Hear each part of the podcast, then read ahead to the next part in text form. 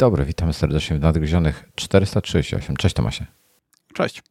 Jestem e, Wojtek i jesteśmy e, z Wami tutaj z Polski i z Tajlandii, bo e, znajdujemy się bardzo daleko od siebie, ale dzięki magii internetu słychać nas i widać, zależy gdzie jesteście. I to wszystko ma służyć, powiedzenie tego wszystkiego ma służyć tylko temu, że jestem dzisiaj bardzo zmęczony, bo dopiero dosłownie przyleciałem do Warszawy, wysiadłem z samolotu, wsiadłem w taksówkę, wróciłem do domu i jestem. Więc e, no, a była długa noc. Dobra. Jak się, jak się można spodziewać po tym, po e, służbowych wyjazdach? Ja po nagraniu idę spać, więc też będę zmęczony. Okej, okay, dobra. Dzisiaj będziemy mało energetyczni. Tak można powiedzieć? Energetyzujący. E, Okej, okay. dobra, będziemy lecieli. Ja nie, nie będę dzisiaj się zajmował e, opisywaniem tematów na górze bo nie ogarnę tego. Jest za dużo, za często będziemy po różnych skakali, więc e, no, mm, będą rozdziały w tym, w podcaście samym już potem. E, tymczasem zaczynamy. Biop, ściąganie obudowy. Kurde, nie, nie, nie przyniosłem swojej. To tylko na wypadek, jakbym kogoś wprowadził w błąd, bo wiele osób meldowało, że pokupowało te obudowy kevlarowe Y, żeby ich nie ściągać tak, jak ja mówiłem w podcaście, czyli zaczynając od, bo mówiłem, że da się ściągnąć tego Banksa tylko jednym sposobem, zaczynając od lewego górnego rogu. Tak. Y, nie, to ma być prawy górny róg, tam gdzie są e, obiektywy. Przekonałem się o tym, jak coś ciężko mi to schodziło y, i w końcu no, sięgnąłem po instrukcję i faktycznie jak z prawej strony to dużo łatwiej, no i oczywiście w instrukcji jest to napisane na samej górze gdzieś tam, mm, więc e, jak się ściąga tak jak jest w instrukcji, e, to jest łatwo. I druga kwestia, e, znalazłem fajne porównanie, jak, żeby powiedzieć jak gruba jest ta obudowa z kevlaru, ona odstaje, mierzyłem słówmiarką, ona odstaje tyle, ile przyciski z iPhone'a odstają, te boczne. Więc y, biorąc do ręki iPhone'a można sobie zobaczyć, jak dużo będzie większy z tego typu obudową. No i mężczyznom to nie, mężczyznom nie wypada czytać manuali. E, komentarz czata. E, dobrze. Ja mogę powiedzieć tak. E, przetestowałem, dobra, tutaj. Tą obudowę testowałem z 15 zwykłym, nie pro, tylko, tylko zwykłym. To jest silikonowa. Wojtek pokazuje silikonową obudowę, tak, silikonową. Coś mi w ogóle laguje wideo, nie wiem dlaczego. E, jej nie używałem jeszcze z jeansami, to od razu podpowiem, więc nie wiem jak się w jeansach e, spisuje. E, tu mam jeszcze zimowy niebieski z 15 plusem i ona jest identyczna, tylko ma inny kolor. I teraz tak, do swojego 15 Pro mam taką obudowę, dokładnie taką samą, tylko że nie mam jej na telefonie i nie mam jej pod ręką w tej chwili. I kupiłem również, aha, jedna bardzo ważna rzecz, zwróćcie uwagę, jak tu jest zabudowany dół przy porcie. Um, Bo i tak pokazuje równo wycięty dół przy porcie e, ładowania. Tak, jest równo wycięty, chciałbym zaznaczyć. Jest port wycentrowany w tym otworze, chciałbym bardzo wyraźnie zaznaczyć. E, I nie ma żadnych problemów z wpinaniem kabli. Chyba, że kabel ma bardzo dużą wtyczkę. Bo. Um, o, dobra. Tu, tutaj jest mniej wycentrowany. Tu jest przykład mniej wycentrowanego portu. Wojtek pokazuje obudowę, nie wiem jaką. Y, to jest to samo. czy... Nie, nie, to jest Aha, też... to silikon.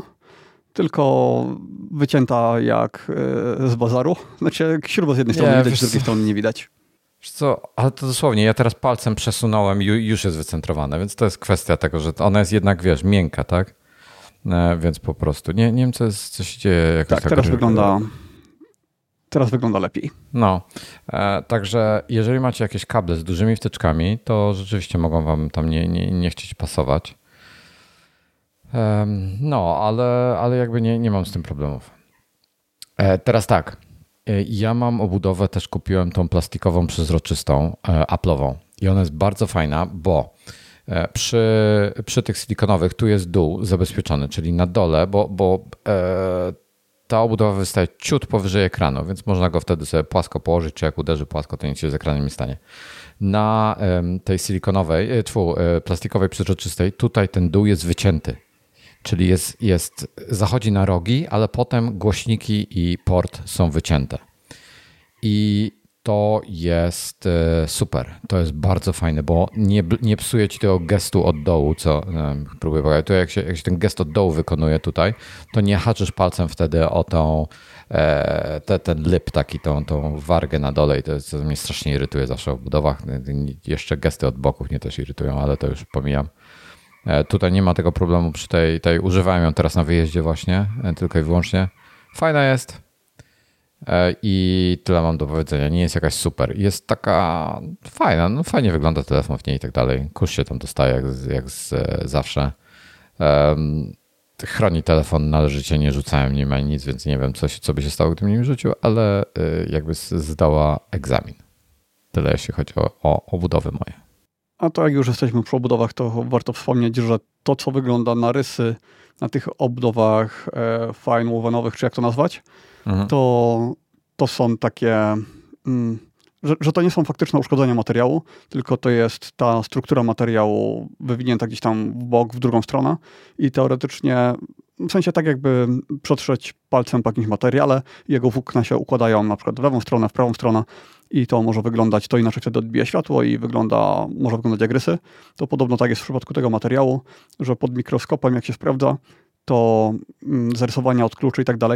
to to nie są poprzerywane włókna, tylko właśnie ułożone w innym kierunku i przez to wyglądają jak rysy, ale mm, nie jest to fizyczne uszkodzenie tego materiału.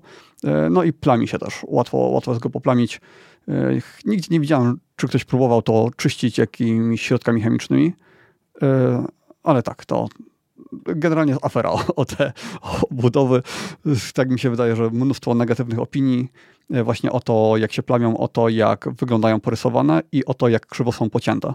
Bo to, co Wojtek pokazywał do kamery, to jeszcze był taki lajtowy przypadek, ale widziałem już dużo yy, i to od takich osób, które gdzieś tam kojarzę z forów internetowych, z Twittera, z Mastodona, yy, dużo zdjęć, jak u nich wyglądają te porty. No i one są po prostu krzywo wycentrowane, brzydko to wygląda, na przykład z jednej strony jest śruba, z drugiej nie ma. Tak mocno nie po mu jakby kontrola jakości była, jak, jakby jej nie było, tak. E, Słuch jeszcze pisze, że, że te gesty haczą przez tą, tą, bo nie używam e, szkła na ekranie. Używanie szkła na ekranie dla mnie, gdzie tam jest warstwa, która jest czuła na dotyk i na to zakładamy szkło i szkło nie ma warstwy czułej na dotyk i w żaden sposób nie łączy się z tym. To jest tak, jak założyć na, wiesz co, 10 e, prezerwatyw. Nie jedno, tylko 10. Tak, żeby było odpowiednio grubo.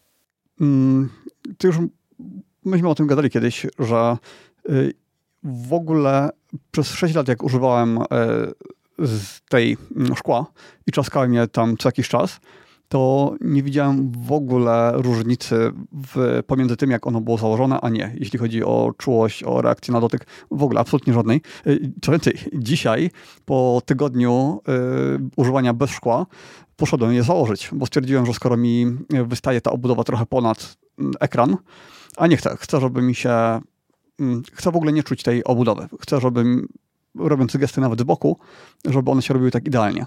Więc założyłem to szkło i dalej nie widzę żadnej różnicy. W sensie no, dotyk działa perfekcyjnie, zawsze działa perfekcyjnie i... To teraz jak ci, jak ci płasko uderzy na, na ziemię, tak ci padnie ekranem, to w tym momencie ta, ta siła uderzenia pójdzie w szkło i pójdzie w ekran. E, znaczy, ono je, ciągle, masz rację, e, ono ciągle jest tak jakby, jakby popatrzeć, teoretycznie milimetr gdzieś tam, nie milimetr, 0,2 mm, ciągle niby ta obudowa wystaje, ale to jest takie wystawanie, że ja już tego nie czuję. To znaczy czuję tylko takie, mm, taką inną powierzchnię, ale ten gest mi się robi super wygodnie. Wcześniej tak nie było. Wcześniej czułem to, tą ostrość, nawet nie ostrość, ale tą, tą krawędź obudowy. E, I ja tak miałem przez 6 mm, lat w tamtej obudowie poprzedniej, y, ta sama sytuacja, y, tylko tam jeszcze ekran, o, znaczy ekran i cała ta to szkło nałożone, ono jeszcze dodatkowo dotykało krawędzi obudowy. Y, ten iPhone ma inną konstrukcję, bo tutaj jest ta ramka odstająca po bokach, więc obudowa się nie styka ani ze szkłem, ani z ekranem. Więc takie uderzenie boczne nie powinno je zniszczyć. No ale stwierdziłem, że skoro przy bardzo podobnej obudowie tej poprzedniej, takiej nie wystającej ponad ekran, 6 lat mi przetrwał i niezliczoną liczbę upadków, no to zaufam i zrobię tak samo. Więc no zobaczymy tę relację, nie? Jak mi się kiedyś potrzaska, to w nadgryzionych doniosę. Ale to widzisz, to, to powinieneś mieć grupę kontrolną. Powinieneś mieć dwa takie same telefony, jeden z obudową i szkłem, a drugi bez niczego. I, i wtedy miał być konkretny wypadnie, test. to drugi, to drugi też musi to rzucić, tak. Tak. Hmm? tak, to byłby test. Dobra, słuchaj, e, dopisałeś tutaj jeszcze Apple Watch WatchOS 10. Nie mam pojęcia, co to oznacza. Słucham ciebie. Mm, ten nowy system operacyjny. E, bo powiedziałem, że ja jeszcze go nie zainstalowałem, więc moje wrażenia będą trochę później.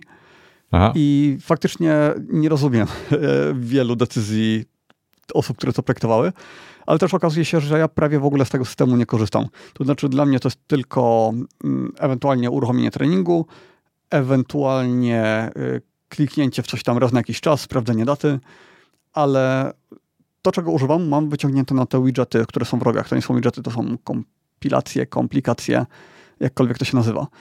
I pod tym względem nic się nie zmieniło. Więc tak naprawdę dla mnie różnica jest taka, tak, że ściągam, że inaczej wyświetlam sobie menu, to takie, gdzie się wycisza zegarek i tą całą resztę funkcji. Y, no i że mam te widgety. Widgety póki co nie odkryłem żadnych przydatnych, ale też ma, nie mam wielu aplikacji zainstalowanych na telefonie, dopiero muszę je poinstalować. I też nie rozumiem tego, dlaczego pierwszym widgetem, który się wyświetla y, po przeskrolowaniu, jest pokazanie tego samego, co jest na tarczy, czyli zegara i daty. To jest dla mnie absurdalne. I pogody w moim przypadku, którą w sumie też mam na ekranie. A nie, nie mam pogody. Okej, okay, czyli... To jest, to jest taki debilizm. No nie rozumiem tej, jest, tej daty. Tak. To jest głupota. To jest kompletna głupota. E, I nie można tego wywalić, tak? Mm. To, to jest chyba dla osób, które na tarczy nie wyświetlają sobie godziny. Czego też nie rozumiem. No, Um, dobra. Jest, no. Znaczy, korzystam się z tego tak, jakby ktoś y, jakiś prototyp uploadował, taki test interfejsu, który, w którym jeszcze brakuje mnóstwa funkcji i jak ja bym to miał na testy, bo to absolutnie nie wygląda jak coś, co zostało skończone. E, no. No. Dobra. E, ciekawostka teraz taka. Jeżeli podłączysz iPhone'a kablem do... Nie, dobra, to potem pogadamy. E, osobista automatyzacja te, te personal automations w WatchOS 10 dalej mi nie działają, mimo że już były update'y 7.01, 7.0, to było 17.01, 17.02 WatchOS, nie wiem, nie pamiętam jaką tam wersję teraz ma, czy też 0.2 czy, czy 0.1, e, to nie, 10.02 przepraszam jest, to nic, dalej, dalej mi nie działają, e, szlak mnie trafia, no, nie, nie działa nic, żaden, żadna automatyzacja. Wszystkie działają poza workoutami, czyli uruchomienie workoutu i zakończenie workoutu jakby nie jest wykrywane zupełnie. To jakby w ogóle no to nie, ja takiej automacji nie mam. U mnie jest tak, że jak się podłączy z Wi-Fi siłowni, to wtedy się uruchamia automatyzacja na telefonie i ona tam robi po kolei te wszystkie A, rzeczy. słuchaj. Takiej no. to ja nie mam. A to będę cię prosił, żebyś uruchomił na próbę, na zasadzie jak uruchomisz, e, e, jak uruchomisz, jak dasz start, jakikolwiek workout, to e, zrób coś, tak? Cokolwiek. E, mhm. I jak wyłączysz, to zrób coś innego. To, to chciałbym, żebyś sprawdził, bo u mnie to nie działa. Mhm. E, Krzysiek pisze, że mu działa, ale jak mu napisałem, żeby mi pokazał screenshoty, że mu działa, to nie, nie pokazał mi, więc mam wątpliwości, że u niego działa. Okej. Okay. E, I teraz tak. E, miałem, byłem teraz, jak byłem na. Tam, gdzie byłem, była siłownia, słuchaj, z, ze sprzętem Technogym, e, który wspiera Apple Watcha. I był, były różne tam sprzęty, między innymi tam na przykład rower i e, jakieś bieżnia i tak dalej. Ekrany były takie duże i na wrogu było napisane Connect Apple Watch. No i e, był, był oznaczony tam w pewnym miejscu, to można było kliknąć się, instrukcja wyświetlała wtedy i wystarczyło po prostu zegarek zbliżyć do czytnika, do tego punktu takiego NFC, który był tam na środku gdzieś. I, i, i, ci, się, i ci się łączył. Zegarek się łączył, słuchaj, z, ze sprzętem i klikałeś start workout robiłeś i wszystkie informacje, e, z, które na ekranie mi się wyświetlały, czyli na przykład jak na rowerze jechałem, to mi pokazywało power, czyli w watach, tak, ile, ile mocy generuje. E, to wyobraź sobie, że to było, wiesz, jak zmieniało się, to, to, to było natychmiastowe. To nie było to, że było opóźnienie, że na zegarku na przykład po sekundzie, typu zjechało mi ze 102 watów na przykład na 101, tak? To na zegarku natychmiast się pojawiało, wiesz, miałem jakby oba wyświetlacze obok siebie. Był idealnie synchronizowany, nie widziałem żadnego laga między nimi. To było niesamowite. to mnie zaskoczyło bardzo mocno, spodziewałem się laga i bardzo fajnie to działa, więc e, jak ktoś ma Apple Watcha, to Techno Gym to jest chyba najfajniejszy sprzęt, jeżeli chce łączyć się, bo to po prostu działa z tego co widziałem.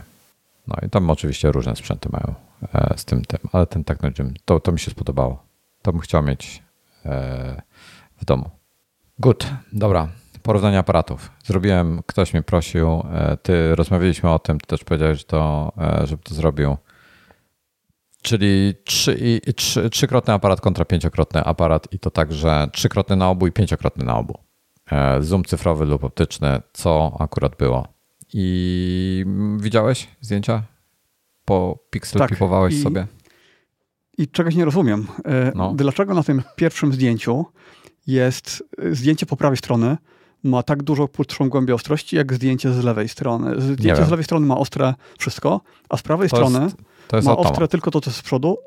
No, tak jakby ostrość była ustawiona w zupełnie innym miejscu, no bo przecież te matryce i ogniskowe, to one się nie różnią aż tak drastycznie, żeby taka różnica była w głębi ostrości, bo jak sobie spojrzysz na to, co jest w tle, na te gałązki, które są w tle, te liście, które są w tle e, z lewej no. strony, no to one ewidentnie tam są poza głębią ostrości. A na 15 tym, Pro?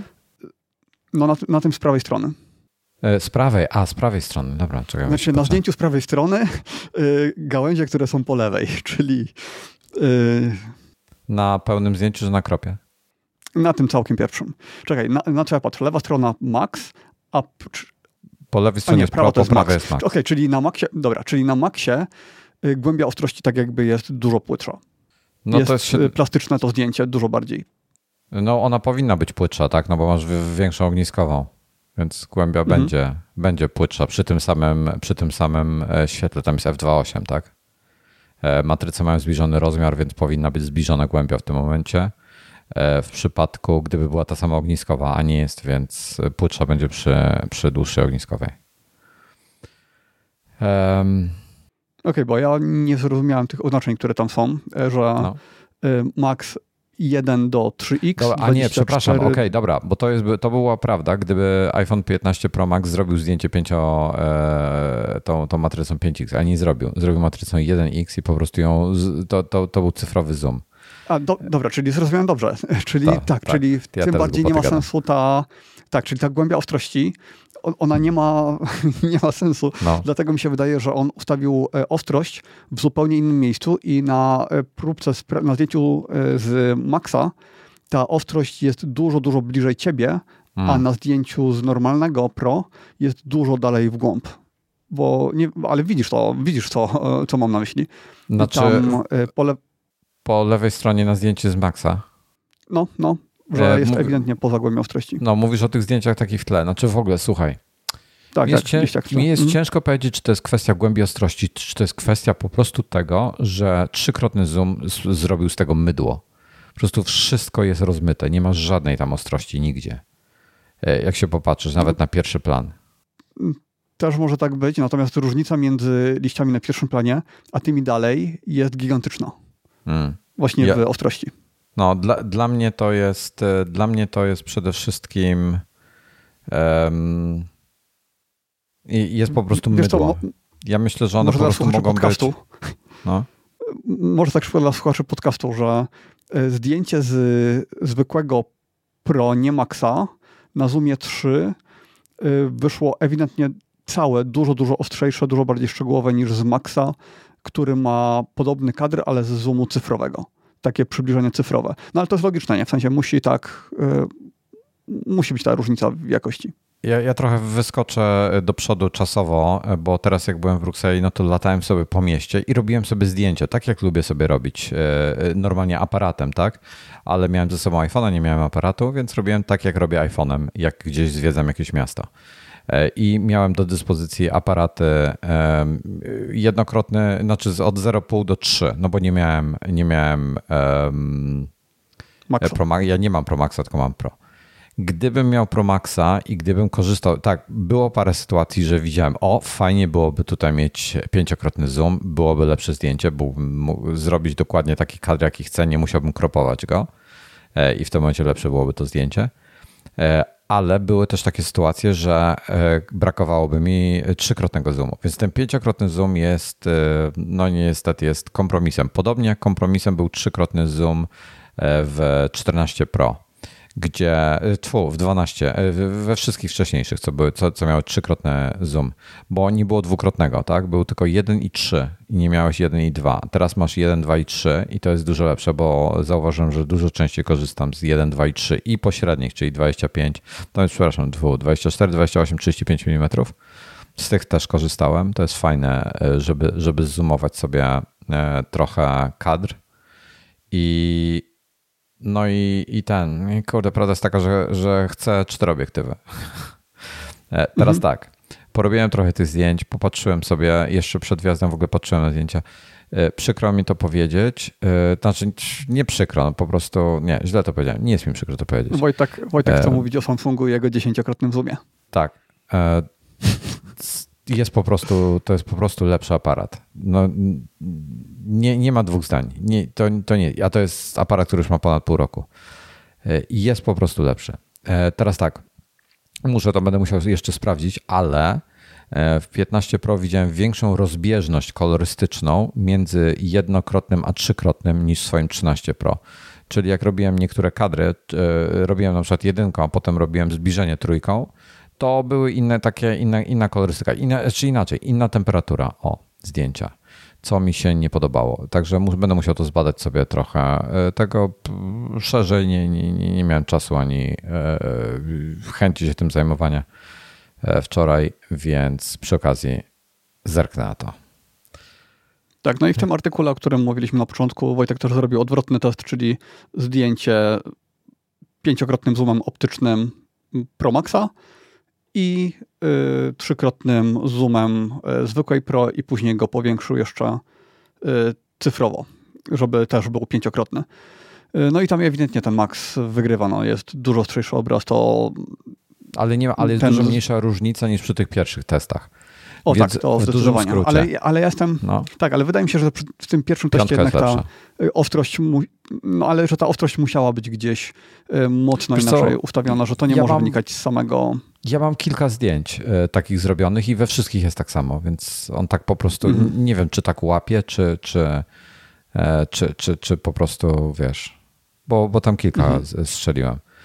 E, mój wniosek jest taki: jeżeli macie Pro Maxa lub Pro, to starajcie się e, unikać zoomowania matrycy tej jednokrotnej i dwukrotnej. Czyli stosujcie te presety 1, 1, 2, 1, 5, tak? Tam jest, czyli 24, 28, 35 mm. Te są ok. Używajcie po prostu jedynkę, jak klikacie, ten 1x co jest na ekranie, jak klikacie, to on sobie przeskakuje między tymi ogniskowymi. To jest ok, to jest Pro oczywiście i potem jest trzykrotny zoom. I trzykrotny zoom, jak sobie klikniecie, potem możecie go zoomować sobie dalej i e, będzie coraz gorzej, im bardziej będziecie zoomowali, ale e, jakby to jest ok. Natomiast nie zoomujcie tej jednokrotnej matrycy, ona nie radzi sobie z tym dobrze, co jest ciekawe, bo to jest matryca 48 megapikseli.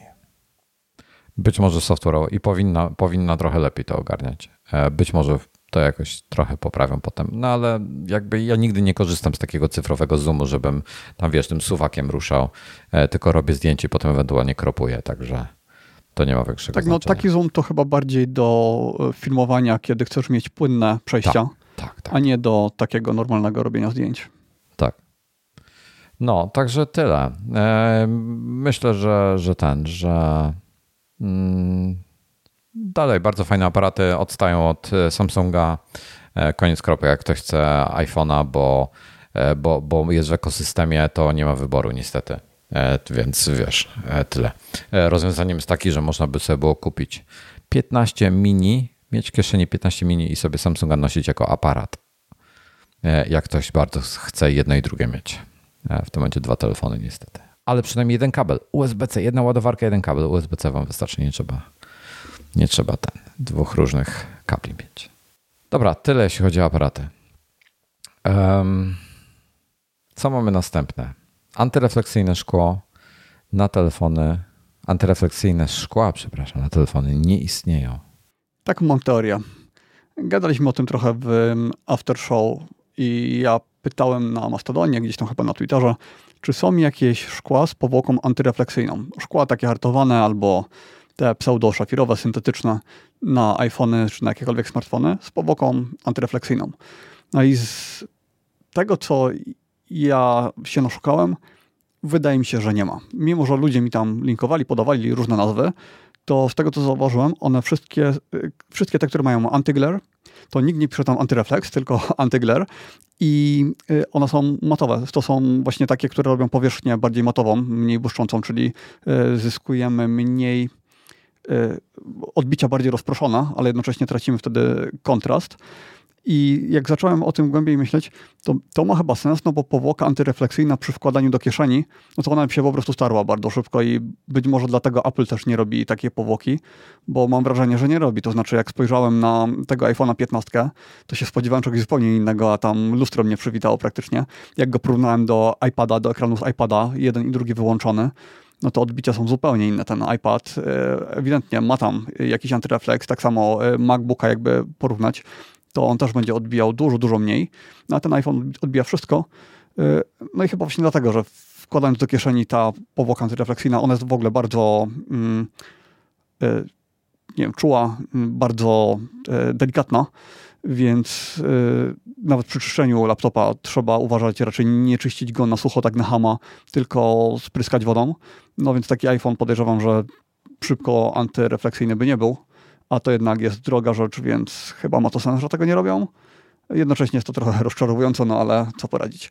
Yy, więc tak, mam, jeśli ktoś wie o istnieniu szkła, które ma faktycznie antyrefleks, niech mi doznać, ale wydaje mi się, że nie, że nie ma takiego.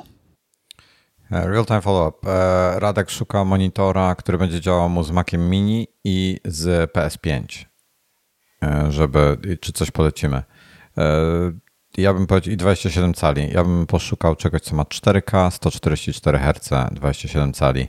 E, być może jakiś LG. Mm, rozmawialiśmy trochę o różnych monitorach. Wcześniej pytanie, czy chcesz widescreenowy, czy 16 na 9 e, jest, jest, jest parę do wyboru, ale szukałbym, jak chcesz do grania, to szukam czegoś więcej niż 60 Hz. Mhm. No zdecydowanie, chociaż na PlayStation to więcej niż 60 nie wykorzystał zbyt często. A, tak? Nie, nie ma więcej? Mm, znaczy, niektóre gry są, ale generalnie to w 30 klatkach się gra na konsolach, niestety. Mm, płynność jest tragiczna na konsolach. Y, z PC jest bardzo ciężko dzisiaj przejść na konsolę. Okay, to... Jak się przyzwyczaisz do 60 klatek, a w 120 to naprawdę... Y, są tytuły pojedyncze, na przykład na Xboxie Gears of War, jakiś tam jeszcze, ale y, to jest zrobione często w dziwny sposób. Na przykład jeśli chcesz mieć i 4K i 120 Hz, to akurat w Gearsach lokalnie jest tylko maksymalna jakość, tam gdzie prawdopodobnie patrzysz w danym kierunku, a reszta obrazu jest w gorszej jakości. I no to, to są takie triki i jest bardzo niewiele takich gier. Monitorów Ale jak takich... ktoś gra w indyki, to wtedy tak, to wtedy 120 Hz ma więcej sensu. No, monitorów takich gamingowych jest bardzo dużo na rynku. Ja bym się zainteresował i przejrzał po prostu oferty takich marek jak. Um, znaczy, ja wiem, w jakim poszedł. Samsung, nie pamiętam tego modelu. No myśmy o nim gadali tyle razy.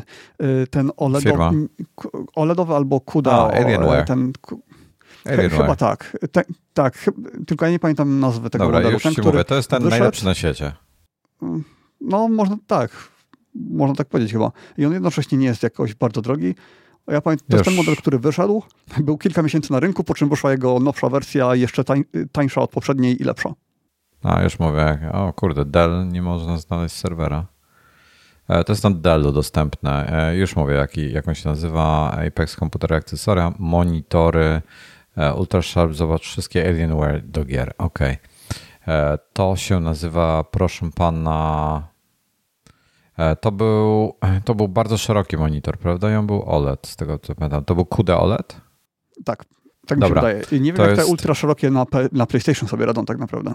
Ja też nie wiem, czy PlayStation ogarnia, to musisz sobie sprawdzić, czy PlayStation wspiera taką rozdzielczość, ale e, to jest monitor e, QD OLED do gier Alienware e, AW3423DWF. 34 cale ma 3440 na 1440 po DisplayPorcie 165 Hz, po HDMI 100 Hz i ma HDMI, DisplayPorty 2, dwa razy USB 3.2 i jeszcze no, ma, ma więcej wszystko, USB. czego potrzeba. Tak. No. Ale ma tutaj słabe oceny na tym, powiem ci, na, na, na stronie Dela. Takie zaskoczenie. E, I jest jeszcze w ogóle. Hmm, Dell jeszcze zrobił 300. PlayStation, Michał pisze, że PlayStation 5 niestety nie wspiera szerokich monitorów. Serio? Wow. To słabizna. A, on chciał 27 cali koniecznie z jakiegoś powodu. Eee, to zobaczę jeszcze, czy jest coś 4K. To jest jeden. Eee, monitor do gier Dell 32 UHD G3223Q. Ma 144 Hz przy 4K. Ja na przykład czegokolwiek jest LG, pewnie jakieś, to są wszystko te same matryce. Pytanie, kto Dobra, robi lepsze. Nie ma, nie ma co gdybać dzisiaj za dużo tematów, No, żeby, żeby przy monitorach e, się zatrzymywać na dłużej. Dobra. Eee, iPhone, drugie wrażenie ma swojego 15 Pro. Y, Tak, przypominam, że jest to po przesiadce z antycznej dziesiątki, więc y, no szok pod każdym względem, ale tak, po kolei. Y, Nigdy bym się nie spodziewał, że głośniki zrobią na mnie takie wrażenia. Jak się przesiadałem z szóstki na dziesiątkę, to głośność była w końcu taka, że nie trzeba było wpinać dodatkowego głośnika, a teraz jakość się niesamowicie poprawiła. Bo tak się zgłasza. Ja słyszę różnicę między 13 Pro a 15 Pro, jeśli chodzi o głośniki. Jest bardzo duża różnica, więc wyobrażam sobie, że ty widzisz po prostu przepaść. Czy raczej No ja się słyszysz? czuję tak, jakbym miał podpięty głośnik bluetoothowy jakiejś takiej średniej jakości. Jakbym tak sobie JBL-a uruchomił na połowie głośności, czy tam na jednej czwartej, to może coś takiego. Brzmi to jakby dochodziło z dużo większego głośnika niż jest realnie. Ym, antena NFC. Tutaj niestety rozczarowanie, bo wcześniej mogłem mieć klucz e, szyfrujący w Orbit Keyu, wysunąć go sobie w taki sposób, jak normalny klucz do otwierania drzwi y, i przyłożyć do obudowy. No to teraz tego nie mogę zrobić. Teraz muszę go wtykać Czemu? do portu USB. Y, Nie wiem, nie. Tak jakbym musiał go wysunąć bardziej, y, no ale nie mogę, więc musiałbym go wyciągnąć z tego Orbit Keya i przykładać normalnie. Y, Także tutaj rozczarowanie. Mogę go włożyć do portu USB, ale wtedy, i z racji tego, że on jest wykrywany jako klawiatura, to wcześniej muszę sobie z OnePassword na przykład skopiować PIN do tego, e, do tego klucza, no bo nie mam go jak wprowadzić, bo skoro klucz jest wykrywany jako klawiatura, to klawiatura ekranowa nie jest wyświetlana. Więc jak on mi pokazuje komunikat wpisz PIN, no to nie pokazuje klawiatury, żeby go wpisać, bo myśli, że klawiatura fizyczna jest wpięta. Dlatego muszę sobie wcześniej skopiować PIN i zrobić wklej z OnePassword. No więc będę to musiał jakoś inaczej zamontować, ten klucz. Y, Znaczy, po prostu będę mu musiał dodrukować albo zrobić jakąś przedłużkę, żeby on był trochę dłuższy i wtedy, wtedy będzie ok. Strasznie frustrujące. Bluetooth.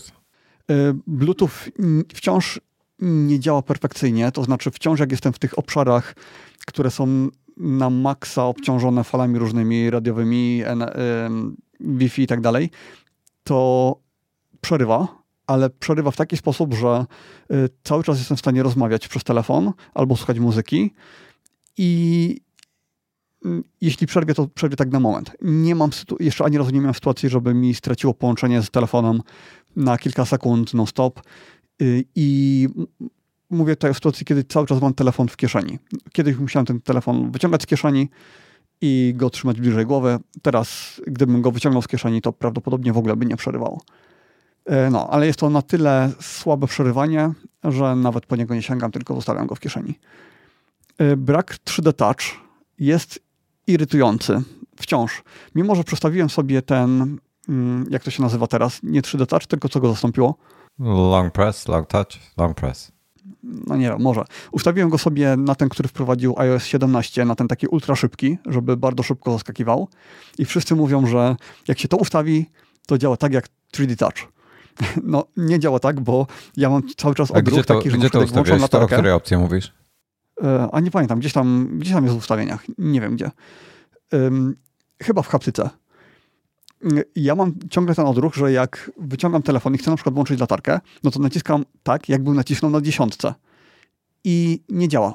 Y, I wciskam drugi raz i nie działa. I trzeci. I wtedy się orientuję, że okej, tutaj nie ma 3D toucha, y, 3D toucha, więc muszę to zrobić to samo, ale trochę dłużej. Więc y, no nie działa tak, jak działał 3D touch, ale jest nieźle. Przy, przy czym dopiero przy tym ustawieniu, które wprowadził iOS 17, bo te poprzednie, Ja tego nie widzę. to- Weź mi powiedz, gdzie to jest, bo ja tego nie mam. Wiesz co, to, ma- to, to później poszukam, żeby nie, nie wypadać z rytmu. To, to pod sam koniec mi przypomni w Aftershow. Face ID działa zdecydowanie lepiej niż kiedyś, bo ani razu nie wyświetlił mi się komunikat z prośbą o PIN, co na dziesiątce mi się czasami zdarzało. I czasami też teoretycznie zegarek powinien wtedy przejąć robotę i odblokować dziesiątkę. I często tak było, ale czasami z jakiegoś powodu nie. E, tutaj zdarza mi się, e, Face ID odblokowuje mi zawsze, a zegarek przejmuje odblokowanie tylko wtedy, kiedy ewidentnie telefon gdzieś odwrócę i po prostu nie mam go przed twarzą. Więc pod tym względem super. Jest niezawodne, y, praktycznie niezależnie od światła. Nawet tutaj, jak siedzę w biurze i y, z tyłu wali mi światło prosto w czujnik, prosto w to Face ID, w kamerę Face ID, to jest w stanie odblokować bez problemu. Y, no, bateria jest największym rozczarowaniem i to jest chyba mm, chyba wśród wszystkich mm, użytkowników tego telefonu, to jest największy minus. Y, nie wytrzymuje mi do końca dnia, przy czym używam go dużo więcej niż normalnie używam telefonu, no bo wiadomo, nowości chcę wytestować. Ale tak, bateria jest y, dużo słabsza niż się spodziewałem. Spodziewałem się, że będzie około 20-30% lepsza.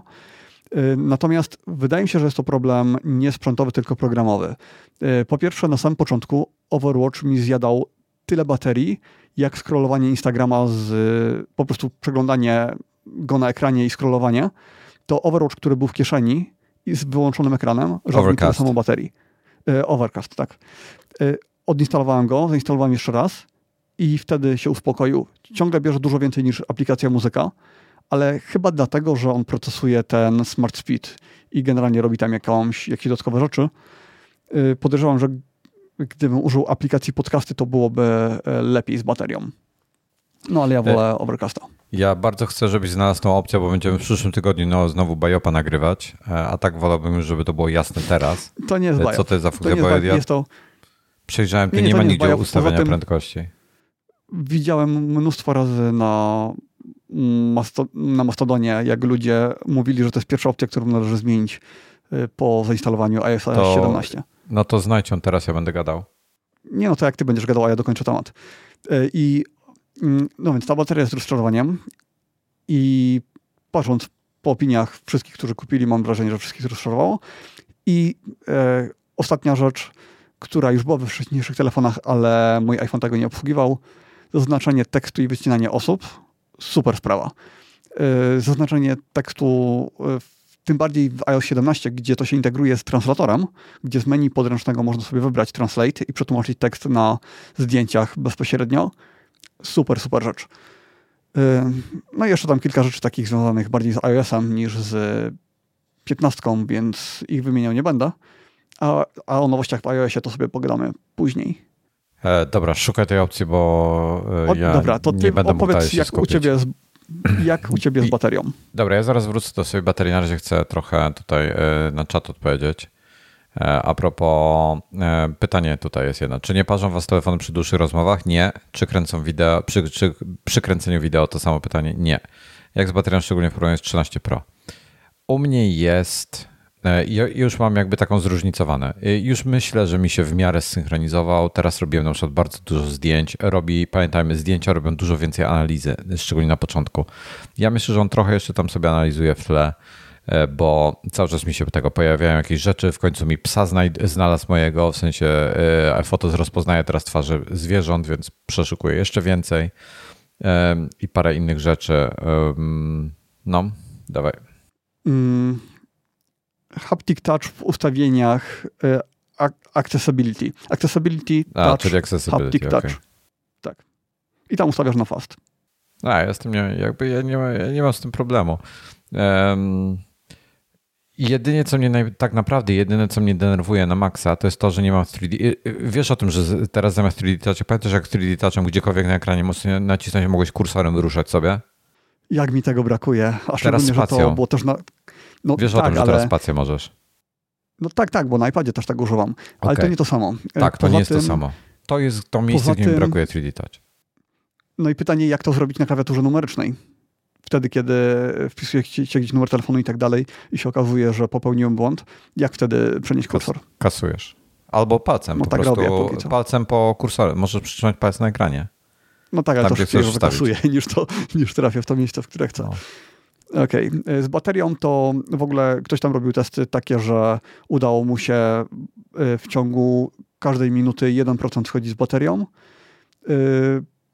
MKBHD miał taką sytuację, gdzie czasami, kiedy robił super rzeczy, które teoretycznie powinny zjadać baterię, to bateria schodziła normalnie, tak jak powinna, a w momencie, kiedy w ogóle nie powinien zjadać baterii, bo był w trybie samolotowym i tylko sobie odpalił muzykę, to nagle telefon się rozgrzał i bateria szła w moment, więc y, chyba trochę to wygląda tak, jakby on używał, jakby to był błąd iOS-a, który używa rdzeni tych wydajnościowych, tych super szybkich w momencie, kiedy powinien używać tych e, takich moja, słabszych. Moja teoria jest inna. Moja teoria jest inna. Um, a, jeszcze szybko, zanim e, przejdę do mojej teorii. E, w obudowie, tu jest istotna różnica jedna. E, w obudowach do 15 są dziury w, miejsc, w miejscu od zawsze do iPhone'ów. Są dziury tam, gdzie jest ten suwak, żeby wyciszać telefon. Musi być, tak? Bo to trzeba fizycznie ruszyć górę lub dół. I w iPhone'ach teraz tak, obudowy do 15 Pro są niektóre obudowy, które mają otwór w tym miejscu, żeby wcisnąć ten przycisk. I przez to, że jest otwór, to praktycznie nie da się sięgnąć, chyba że ktoś ma długie paznokcie. E, do tego. Peak Design wypuścił obudowę z otworem dla Action Button i wycofał je i powiedział, że zrefunduje wszystkim i wymieni i zrobi poprawioną wersję z przyciskiem w tym miejscu. Nie kupujcie do 15 Pro obudów, które nie mają przycisku trzeciego, czyli e, jest dwa przyciski od głośności i trzeci do action button. Muszą być trzy przyciski. Wojtek, czy ty właśnie pokazujesz firmową obudowę Apple'a, która nie ma tego przycisku, tylko ma wycięcia? Ta obudowa firmowa Apple'a nie ma tego przycisku dla 15 i 15 Plusa. Dla 15 Pro i 15 Pro Max ma przycisk w tym miejscu, więc się różni okay. tym. E, poza tymi innymi różnicami. Dobra. I jeszcze się chcę odnieść do tego tematu Czekaj, parzenia bateria, w ręce. bateria i CPU. Daj mi jeszcze dokończyć baterię CPU. Tak, tak, ale to są... No, no dobra. E, u mnie bateria jest taka, że ja używam w tej chwili telefonu jeszcze niestandardowo. Dużo się nim bawię, dużego podnoszę, robię rzeczy, których normalnie nie robiłem. Nie miałem jeszcze takiego prawdziwego, typowego dnia. E, teraz byłem w podróży. E, dwa dni. W podróży, e, gdzie jesteś na roamingu, gdzie antena ogólnie działa mocniej i zawsze mi szybciej schodziło, schodziła bateria Tutaj było lepiej, wyraźnie lepiej. Czyli jak byłem teraz, teraz właśnie w innym kraju Unii Europejskiej, było, było wyraźnie lepiej. Relacja na moim Instagramie, jak ktoś chce zobaczyć. Było wyraźnie lepiej. E, na tyle, że ja wiem, z 20-30% na koniec dnia lepiej, także sporo dla mnie. Nie miałem jeszcze typowego dnia w Polsce, takiego normalnego jak z 13 Pro, żeby móc spokojnie to porównać, ale wstępnie powiem, że jest przynajmniej tak samo dobrze, a być może lepiej. Tyle.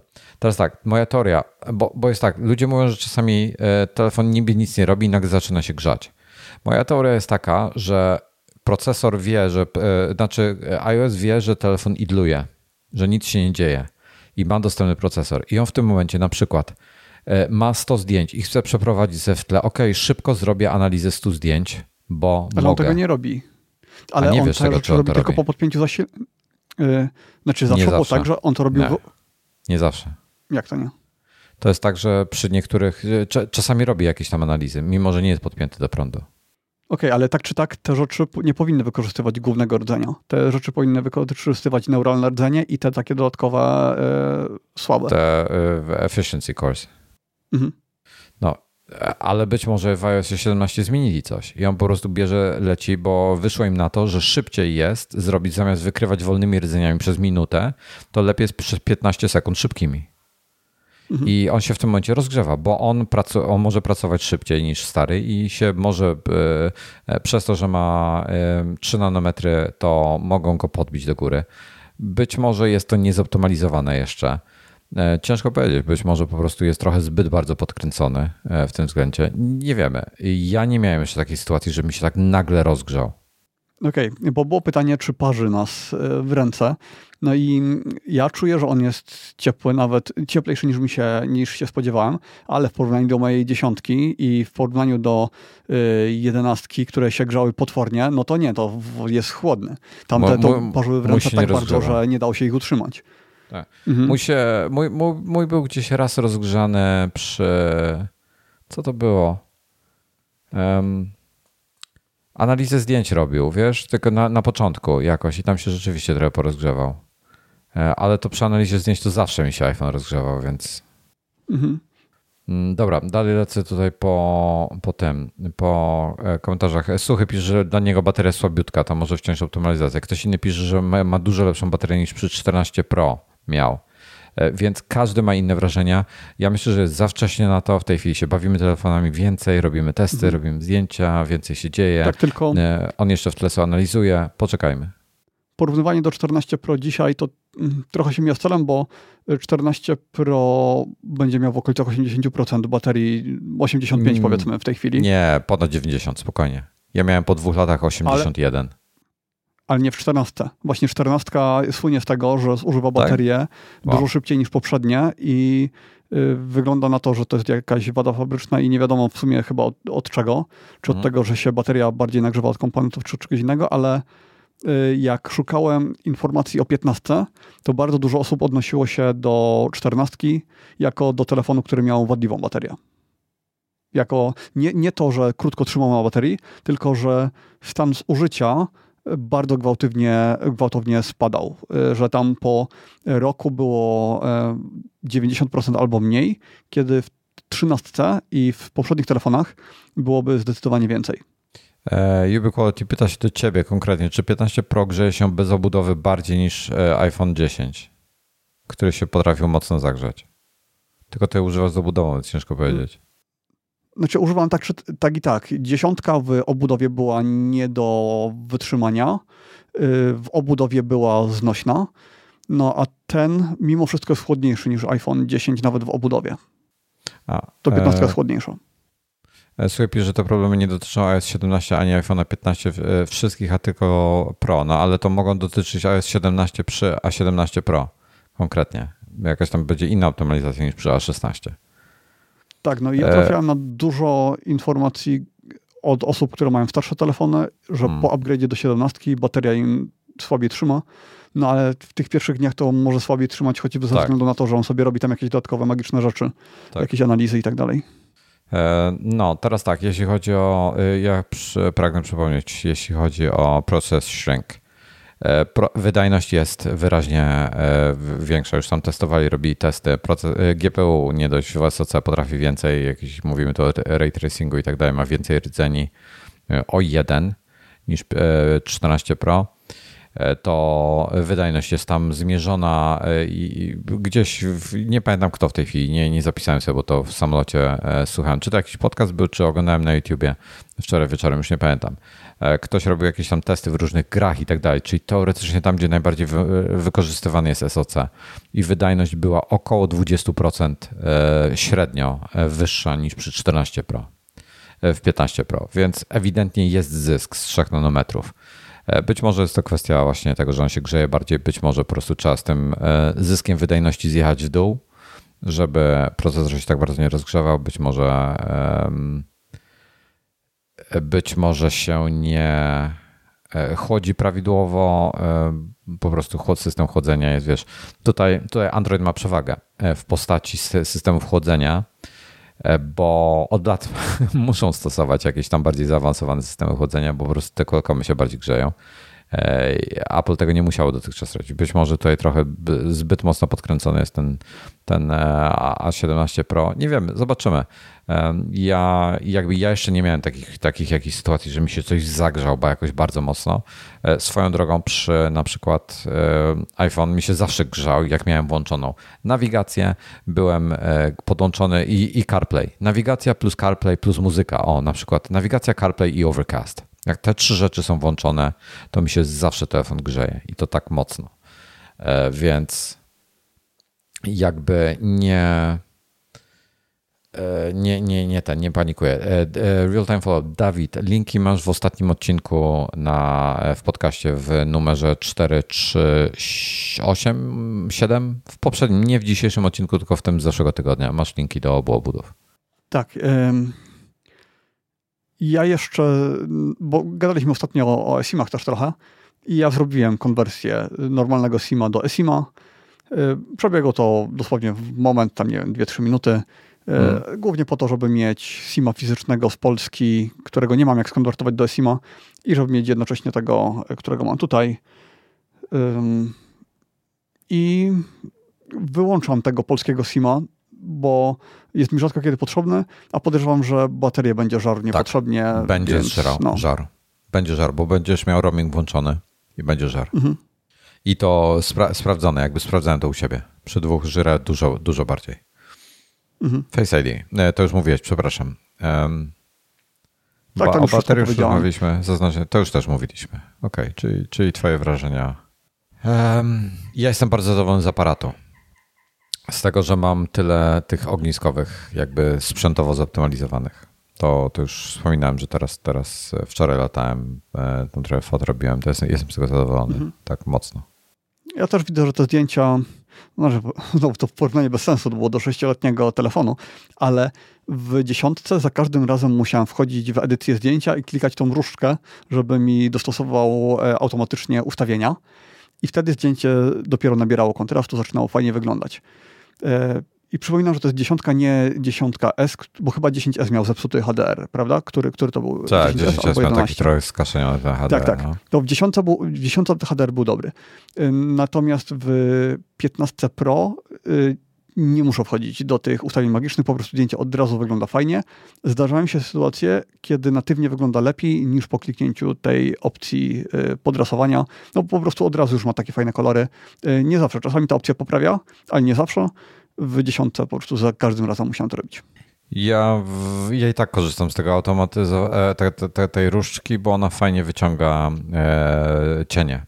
E, robiłem zdjęcie pod, tak. pod, zachodzące niebo, w sensie słońce gdzieś tam było, tego oświetlone budynki w tle, z przodu e, drzewa, krzewy, zieleń ogólnie, nieoświetlona, czyli ciemna, w cieniu. Mhm. I bardzo ładnie wyciągnęło kolor z tego, rozjaśniło e, bez jakichś tam wizualnych, zauważalnych strat. Także to ja i tak dalej z tego korzystam, to fajnie działa. Wręcz chciałbym, żeby była opcja, żebym automatycznie to mógł włączać, bo częściej z tego korzystam niż z tego nie korzystam. Więc chciałbym, żeby to było włączone na stałe dla każdego zdjęcia i potem, żebym selektywnie sobie to wyłączał, jak tego nie chcę. Mhm. Dobrze. Action button. E, słuchaj, sporo z nim grzebałem, sporo się zastanawiałem. E, miałem długie sesje główkowania. E, skończyło się na tym, że w końcu zdecydowałem, do czego będzie mi służył i zademonstruję, zademonstruję to. No. Tutaj, jest, tutaj jest ten przycisk i naciskam go. Wyciszenie? Po prostu okay. wyciszenie. Tak jak było wcześniej, tak dalej jest. E, no. Znalazłem, przeszukiwałem też internet w poszukiwaniu, co, co inni ludzie powymyślali sobie. Najbardziej mi zaimponował gość, który stworzył cały, cały program w zasadzie, który na podstawie wyświetla mu po pierwsze shortcut, który wyświetla mu listę rzeczy do zrobienia. Na przykład dodaj coś do listy zakupowej E, włącz muzykę, włącz podcast i tam ma tych zadań typu 20, taką długą listę. Ale teraz tak, jeżeli jest w pracy na podstawie lokalizacji, wyświetla mu się inna lista, czyli jeżeli jest w pracy gdzieś, to wyświetla mu się inna lista niż jak jest w sklepie, czy jak jest z domu, czy, czy, czy coś innego. Zrobił sobie naprawdę imponujące, ale tak się zastanawiam, czy ja mam jakieś potrzeby, żeby rzeczywiście takie rzeczy robić i w zasadzie doszedłem do wniosku, że nie za bardzo. Nie, no to nie ubiegłeś, bo właśnie chciałem e, pogadać o tym, jak inni ludzie tego używają. Hmm. E, ja to zrobiłem tak, że w orientacji pionowej, jak mam telefon, to robi mi za lustro, czyli wciskam przycisk i patrzę, jak bardzo się ubabrałem jakimś sosem, jak przed chwilą skończyłem jeść. E, bo to jest funkcja, z której faktycznie korzystam. I jak mam telefon w innej orientacji, i to tak naprawdę wystarczy go tylko trochę przechylić, y, no to wtedy jest blokada ekranu. Y, w sensie zablokowanie rotacji ekranu i odblokowanie. I to jest funkcja, której używam czasami, ale y, ich mógłbym ją na coś innego podmienić. To lustro raczej zostawię, ale tą orientację to jeszcze się zastanawiam, czy na pewno ją chcę, czy coś innego. I też myślałem, co z lokalizacją, albo na przykład E, czy ustawić inny tryb, w zależności czy dom mam w trybie e, nocnym, czy w trybie dziennym. Bo na przykład w trybie nocnym być może latarka by mi się do czegoś przydała, ale stwierdziłem, że nie, że nigdy w życiu nie potrzebowałem latarki. E, nie wiem, no na przykład mógł, bo w zasadzie wszystko, co mógłbym zrobić tym przyciskiem, to ja z racji tego, że jest smart home, no to mam to porobione na jakieś inne sposoby. Mam po prostu automatyzacje, które mi robią e, różne rzeczy i z racji tego ten przycisk już tak średnio się przydaje. Na pewno nigdy tam nie przypiszę aparatu takiego normalnego, bo się okazało, że miałem tak na początku, miałem przez długi czas, e, przez kilka dni i y, zmuszałem się, żeby tego używać, aż w końcu stwierdziłem, że wygodniej jest mi kliknąć w ten taki prawy dolny róg, gdzie jest ten aparat, albo musnąć palcem i żeby on mi się uruchomił. Y, chyba, że kiedyś zacznę używać innego aparatu, innej aplikacji do aparatu, no albo będę chciał mieć zdefiniowany jakiś tryb konkretny, którego normalnie nie da się ustawić, to wtedy sobie zrobię shortcuta do tego aparatu, żeby uruchamiał coś tam innego. Na przykład jak uruchamiałem selfie, ten, to lustro, to się okazało, że iOS czasami tego nie robi. Czasami uruchamia aparat, ale nie w tym trybie, który ja zdefiniowałem. Więc y, ustawiłem mu, żeby dwa razy to robił. Y, dwa razy pod rząd, żeby odpalił mi y, aparat w trybie selfie i jeszcze raz, żeby to zrobił. I teraz za każdym razem mi to działa. Mm, no więc aparat tam Czy, czy czekasz coś dłużej z tego tytułu? że, że musi dwa razy wykonać akcję, nie? Okej. Okay. Nie, nie, tak samo. Um... Mi przyszła do, rzecz, do, do głowy właśnie jedna rzecz w tej chwili, jak mógłbym to zrobić. I mógłbym zrobić, jeżeli iPhone się ładuje, e, czyli taki warunek, jeżeli iPhone się ładuje i jestem w domu, to e, i jest po godzinie tam, nie wiem, powiedzmy 21, tak? To y, zrób y, good night. A to wywołaj akcję good night. Myślałem o tym. I to myślałem o tym, ale to nie ma sensu.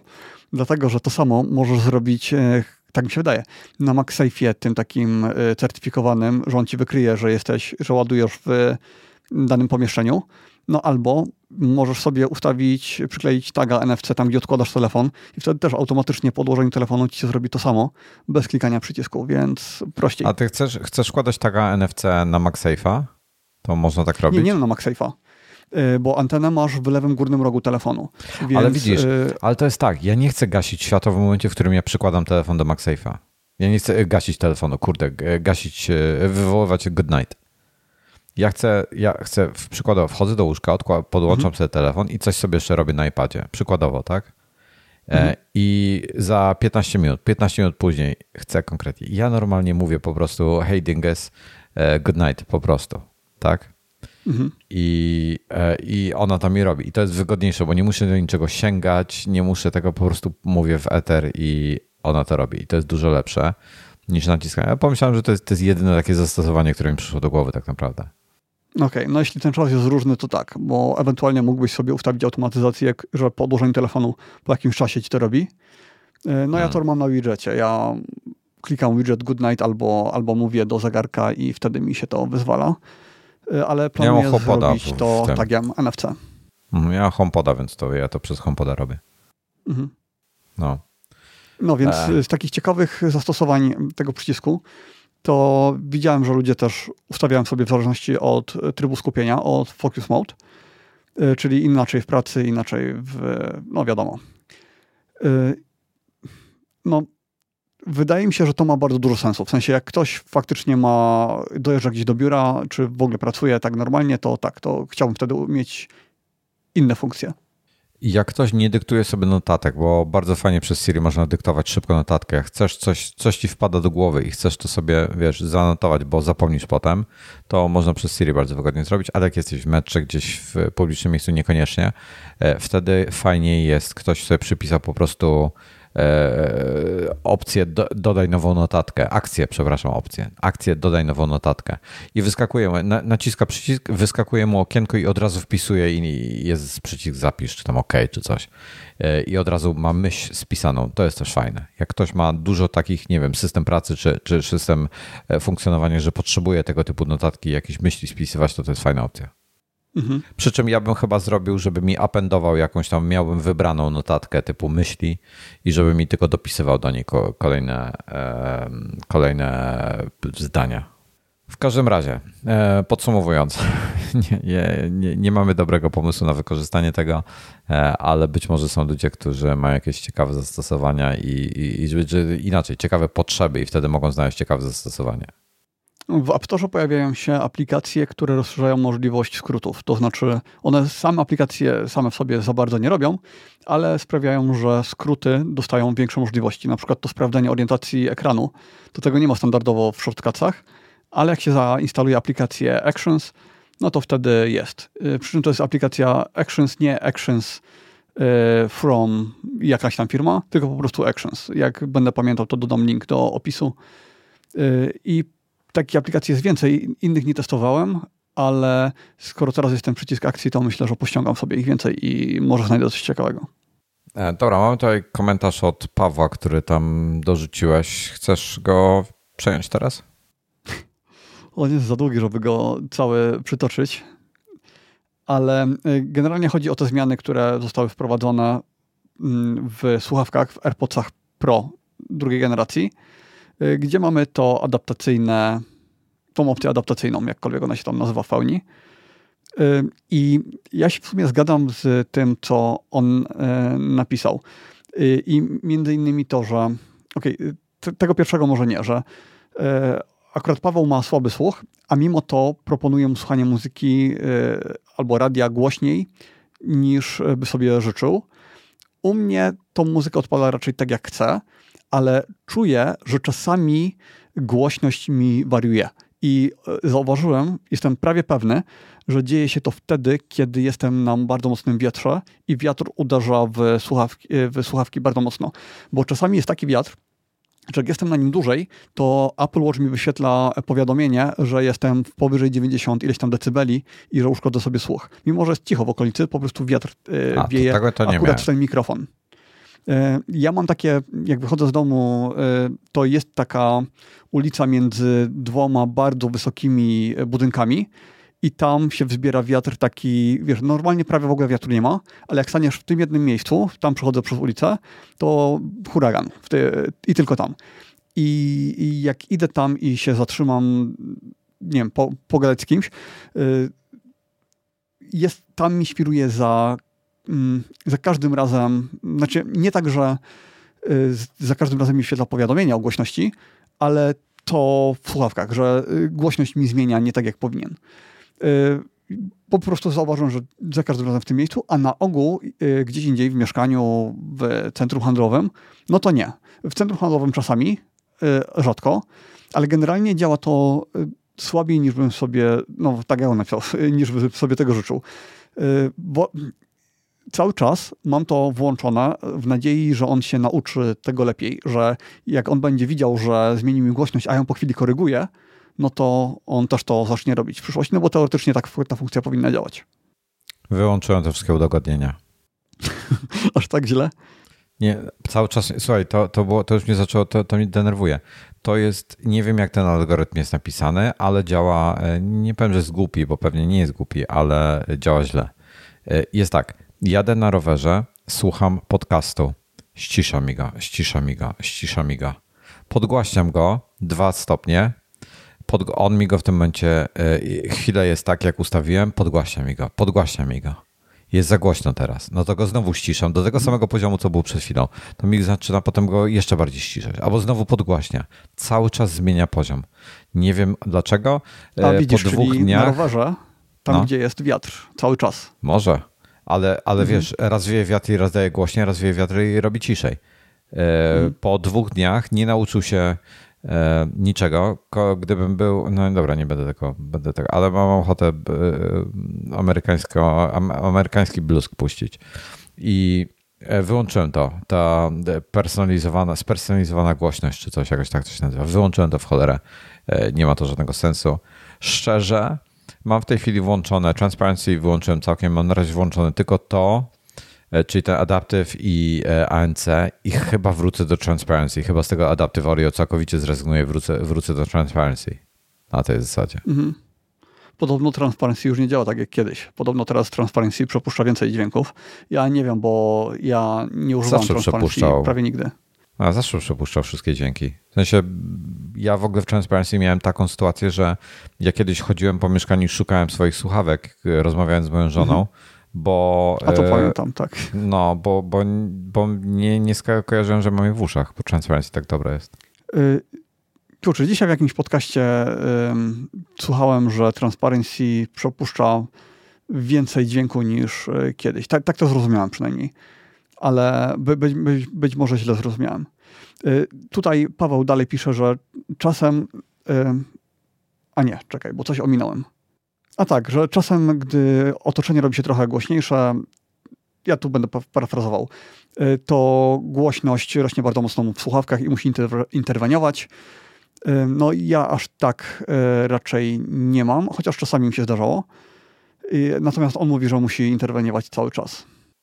No, ja jestem niezadowolony z Adaptive Audio generalnie. Conversation Awareness też wyłączę, wrócę do takiego trybu, bo na razie mam ten Conversation Awareness jeszcze włączony, czyli to, że mi wycisza, jak coś zaczynam gadać.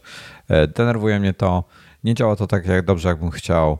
E, nie działało, e, inne marki słuchawek też miały tego typu funkcje, też to nie działało tam dobrze, też to miałem wyłączone. Wrócę do tradycyjnego, czyli będę się przełączał ręcznie między Transparency a ANC wtedy, kiedy potrzebuję jedno lub drugie i koniec. Paweł jeszcze porusza kwestię, która mnie chyba najbardziej irytuje. Yy, cytuję, zanim udostępnili te udogodnienia, to słuchawki jakby pamiętały, na jakim poziomie głośności rozmawiam. Teraz, kiedy ktoś dzwoni, a ja słucham muzyki, to rozmowa jest prawie niesłyszalna, więc daję głośniej, po czym, kiedy kończę rozmawiać, muzyka e, wraca bardzo głośno, bardzo wkurzająca. No i właśnie y, też tak mam. Co więcej, y, zauważyłem, że jak odpalam podczas rozmowy, jak odpalę sobie jakieś wideo, to on wtedy mi też świruje i przycisza mi rozmowę całą, po czym kiedy wideo się już spauzuje, to rozmowa dalej jest bardzo cicho, więc muszę ją pogłośnić. I no, jest to dziwne, tym bardziej, że y, to jest funkcja, której często używam. Więc, no nie wiem, jest, są to zmiany, które y, są na gorsze dla mnie, zdecydowanie. Znaczy, ja bym nie powiedział, że na gorsze. jeszcze bardzo tylko... dużo rzeczy napisało i wszystkim się zgadzam prawie. Ja, ja bym nie powiedział, że na gorsze, bo możesz to, nie możesz z tego nie korzystać. Po prostu. To są nowe rzeczy, które no nie tak, są tak, obowiązkowe. Niczego nie, jakby nie, one niczego nie usuwają, mhm. niczego nie zmieniają, jak nie chcesz z nich korzystać. Możesz je wyłączyć i tego, co jest dobre. Więc ja wszystko, ja na razie, tak jak mówiłem, wyłączyłem jedną z nich, wyłączam wszystko, wracam do um, Transparency plus ANC, koniec. Tak, widzę, że o pozostałych sprawach, które, o których Paweł pisze, to już mówiliśmy wcześniej, bo to one dotyczyły iPhone'a ale zauważył jeszcze, że przy 20% baterii nie pojawia mu się już informacja o poziomie naładowania, o tym, żeby przełączyć w tryb oszczędzania. E, no i faktycznie u mnie się też nie pojawia. Nie wiem, czy to błąd, czy wycofali się z tej funkcji. Masz tą, to powiadomienie? E, nie, nie dobiłem do 20% jeszcze. Um, low no to ja power każdego dnia. mode. Battery percent low power mode, battery health and charging. Tu nie, nie ma jakby, nie wiem co się stanie jak dobiję do 20%. Jak któregoś dnia dobiję do 20%, to dam znać co się pojawi. No dobra. Um, czyli co, przechodzimy do newsów i do plotek, a właściwie dzisiaj tylko do newsów. Mm, tak. E, teraz tak. Jeśli chodzi mnie, bo iFixit, e, Krzysiek tu opisywał e, trochę iFixit, e, jak rozebrało iPada. Nie wiem dlaczego nie podlinkował artykułu, tylko podlinkował wideo. Spróbuję dotrzeć do tego linka, bo sobie go nie przygotowałem zawczasu. Ale oni mają gdzieś, kurczę, też tego, nawet w opisie własnego wideo tego nie dali. Poszukam tego ręcznie. E, bo opublikowali listę e, e, konkretnych tych, jak to się nazywa, nazw, kodów matryc. I tam była taka ciekawostka, o której chciałem pogadać generalnie. iPhone Jakich 15. matryc? Mówisz o, aparata, o aparatach? Tak, o aparatach, o IMX-ach. Hmm, dobra, IMX to oni, te, cholera, nie ma. Nie ma tutaj. Hmm. Słowo daje, że to było w ich artykule. Nie, nie, nie mogę tego teraz znaleźć. Przepraszam. E, nie, nie będę się teraz tym tematem zajmował. Przy okazji go poruszymy w takim razie. E, czy coś jeszcze o iFixicie chcesz powiedzieć? Bo ja tam sobie nie mam nic do e, dodania, poza tym, że ta, ta nie, nie mówiliśmy chyba o tym, że ta tylna szybka jest teraz wymienialna i tańsza jest naprawa, jak, się, jak ją potłuczemy. Mm, wydaje mi się, że coś wspominaliśmy, ale w sumie pewny nie jestem, więc tak w skrócie to teraz tak jakby szkielet jest w środku jest taka rama, taki szkielet, na której osobno opiera się tył telefonu i przód mikrofonu, wie, y, mikrofonu, telefonu, więc y, można się oddzielnie dostać do, do przodu i do tyłu. Nie trzeba rozbierać całości, żeby się dostać do tego, co jest zakopane gdzieś tam najgłębiej. Więc dlatego jest dużo prościej y, te telefony naprawiać. Y, I iFixit chyba dał 7 na 10 w skali naprawialności, mimo że y, części są parowane. Na to, za to tam pewnie odjęli punktów. Parowane części, czyli że Apple przypisuje daną część do konkretnego modelu telefonu, no i jeśli się przełoży do innego telefonu, to już nie zadziała. No ale to robią od lat. Um, ja chciałem jeszcze, i jeszcze jest kwestia tego, to, to o AirPodsach Pro. E, wcześniej rozmawialiśmy w, o, o tej nowej e, bezprzewodowym trybie, te, te nowe, co są teraz te takie AirPodsy 2 i e, AirPodsy Pro 2,5, czyli te z USB-C, które mają tam lepszy, są odporne na kurz i tak dalej, i tak dalej to no, chyba w ostatnim odcinku albo dwa odcinki temu o tym mhm. rozmawialiśmy, to pojawiło się wyjaśnienie, dlaczego one przy E, Vision Pro będą lepiej współpracowały z headsetem niż te obecne. E, chodzi o to, że mają H2 w nich, ma odblokowane e, pasmo powyżej 2,4 GHz, te 5 GHz pasmo odblokowane, na której idzie ten bezstratny dźwięk z małym opóźnieniem, podczas gdy, gdy te, te co, co obecnie używamy, te z Lightningiem, nie mają czegoś takiego. Mają 2,4, są ograniczone do 2,4. E, więc to jest ponoć sprzętowa kwestia. Nie mamy informacji, czy to jest prawda, czy nie. Tak w wywiadzie się dowiedzieliśmy od e, wiceprezesa Apple do e, łączności Rona Huanga. Teraz tak, mamy aktualizację do wszystkich iOS-ów i macOS-ów. To już mówiliśmy chyba o tym. Są, są nowe aktualizacje, czyli te 17.02, 10.02, macOS Sonoma 14 E, nie wiem już jaką w tej chwili wersję ma, tam też jakieś update'y chyba pojawiały. E, wszystkie e, listy jakichś nowości i tak dalej, najważniejszych znajdziecie sobie na iMacu. Ten update do, na iPhone'ach do 0.02 był taki chyba istotny, bo tam coś się działo, więc to możecie sobie zrobić. Przy okazji, nurkowie, którzy nurkują i mają ultra, jest Oceanic 2.0, ta aplikacja ten, e, co, co zamienia zegarek w Dive Computer, taki, umówmy się, e, nie Super Pro, e, dostał funkcję freedivingu. Więc no, jak, jeżeli uprawiacie freediving, to możecie teraz korzystać z Apple Watcha. Chociaż nie wiem, jak ktoś hardkorowy freediving robi na takie na 120 metrów, to Apple Watch chyba nie wytrzyma. Słucham cię. Wspomniałeś o tej Sonomie, jakby to był jakiś mały update'ik, a to jest nowy system operacyjny, więc yy, chciałbym Ale... poświęcić trochę więcej uwagi. Ale rozmawialiśmy już o, o Sonomie jako taka. Wiesz co, ja nie chcę. Ja, chcia, ja chciałbym w przyszłym tygodniu o Sonomie porozmawiać, tak konkretnie. E, bo jeszcze się okay. jeszcze nie robiłem update'u. Jest lista nowości, e, jakby ona jest w dużej mierze pokrywa się z tym, co w iOSie jest. E, o czym już rozmawialiśmy, czyli jakby te, te wiesz, wspierające rzeczy. A jest coś konkretnego, o czym chciałeś powiedzieć? W sensie nie, jakaś no, nowość konkretna? Wrażenia, ale w takim razie zachowam to na później, a powiem dzisiaj tylko tyle, że y, żadna aplikacja mi się nie wysypała. Przynajmniej z tych, które do tej pory używam, to wszystkie działają. Ja właśnie tak przeglądałem e, wcześniej e, i wygląda na to, że mogę zrobić update, powinno być wszystko, wiesz, bo się martwię o to, czy, czy ja będę mógł nagrywać podcasty, tak, czy coś, czy ICAM przestanie działać, czy, czy ten, nie, się jedno nazywa? i drugie. Audio, audio hijack, hijack przestanie działać. Tak, i Audio Hijack i ICAM no. raportują, że są zgodne ze Soną. Tak, tak, więc też to przejrzałem i wygląda na to, że jest ok, także um, no, tyle. Um, Dobra, tips and tricksy na razie um, zostawimy. Ja myślę, że ja bym chciał te, te newsy możemy sobie pominąć, wiesz. E, może szybko o procesorach plocie o 3 nanometrach w MacBookach i iPadach. A, ciekawostka w ogóle. TSMC w tej chwili robi procesory na procesie hmm, TSMC A17 Pro E, Process N3D to chyba było, czy B, N3B chyba robią. E, oni w tej chwili robią na procesie N3B, u nich to się nazywa, a ponoć potem mają być na N3E robione nowsze procesory Apple'a, czyli typu M1, nie M1, tylko M3 i tak dalej. I... Ale czy to się no. przełoży w jakiś sposób na coś innego, na energooszczędność i tak dalej, czy to się przełoży tylko na to, że więcej będzie działał prawidłowo, będzie mniej odpadów? Nie wiemy, nie wiemy. Może być wszystko, więc nie mamy pojęcia e, na, na, ten, na tym etapie. E, zobaczymy, zobaczymy, co będzie dalej. Właśnie dużo osób czeka na nowe iPady Pro. Ja mam iPada Pro z M1 i tak naprawdę nadal nie widzę powodu, żeby go wymieniać. Wszystko jest ok, wszystko działa. E, jest super. Ale moja żona jest na iPadzie Pro, ten przed M1, nawet nie pamiętam, co, co tam było też 11 cali. I być może ona będzie miała problem?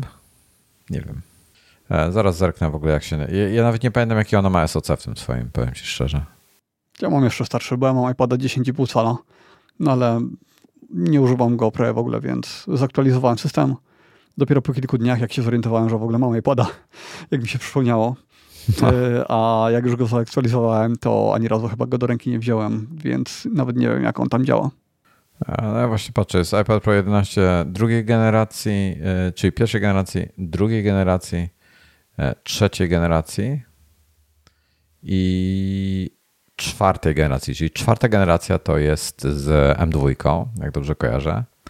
Już sobie, to jest specyfikacja e, M1. A, okej, okay, tak, dobrze, zgadza się. Czyli czwarta generacja ma M2, trzecia generacja, czy ja mam trzeciej generacji, ona ma M1, e, moja żona ma drugiej generacji, w której jest e, A12Z. Nie, ona, to ona ma jeszcze ten chyba starszy, bo to był jakiś taki, on ma... Ha, musiałem sprawdzić, czy ona ma tą dużą wyspę, czy to mało. Ona chyba ma jeden pojedynczy obiektyw aparatu, nie, nie ma ten taki iPhone'owej wyspy, co by oznaczało, że ma pierwszej generacji. E, a tam było A12X. Ten poprawiony miał A12Z, ale chyba go, ja go chyba nie miałem.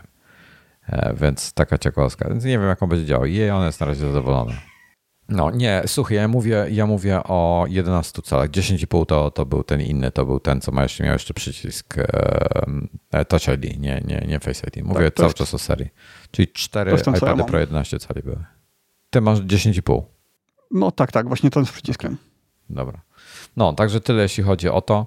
E, pytanie teraz takie mam do ciebie. E, czy iPhone SE, ten nowy, który ma się pojawić, o którym cały czas gadają, tej czwartej generacji, czy to będzie po prostu iPhone mini? Nie, nie, bo on będzie miał rozmiar 14. Wszystkie plotki mówią, o, że on będzie w obudowie 14. Normalnie no, 14. No, no wiem, że taka jest plotka, ale może to nie będzie? Może to będzie mini? Mm, Taką nadzieję mam. mówią co innego, ale Raczej nie, raczej właśnie to będzie iPhone 14 z okrojonym e, aparatem, z tylko jednym obiektywem mhm. i z action, i przyciskiem Action i portem USB-C. Czyli taki miks iPhone'a 14 e, z iPhone'em nawet nie wiem jakim, jakim starszym, nie, nie pamiętam, który ostatnio miał jeden obiektyw. Tylko, że ten pewnie będzie miał matrycę dużą. Mimo, że to będzie jeden obiektyw, to będzie miał dużą matrycę i on sobie tam będzie zoomował. No ale tak, to jest taki iPhone startowy, który jeśli będzie miał to Face ID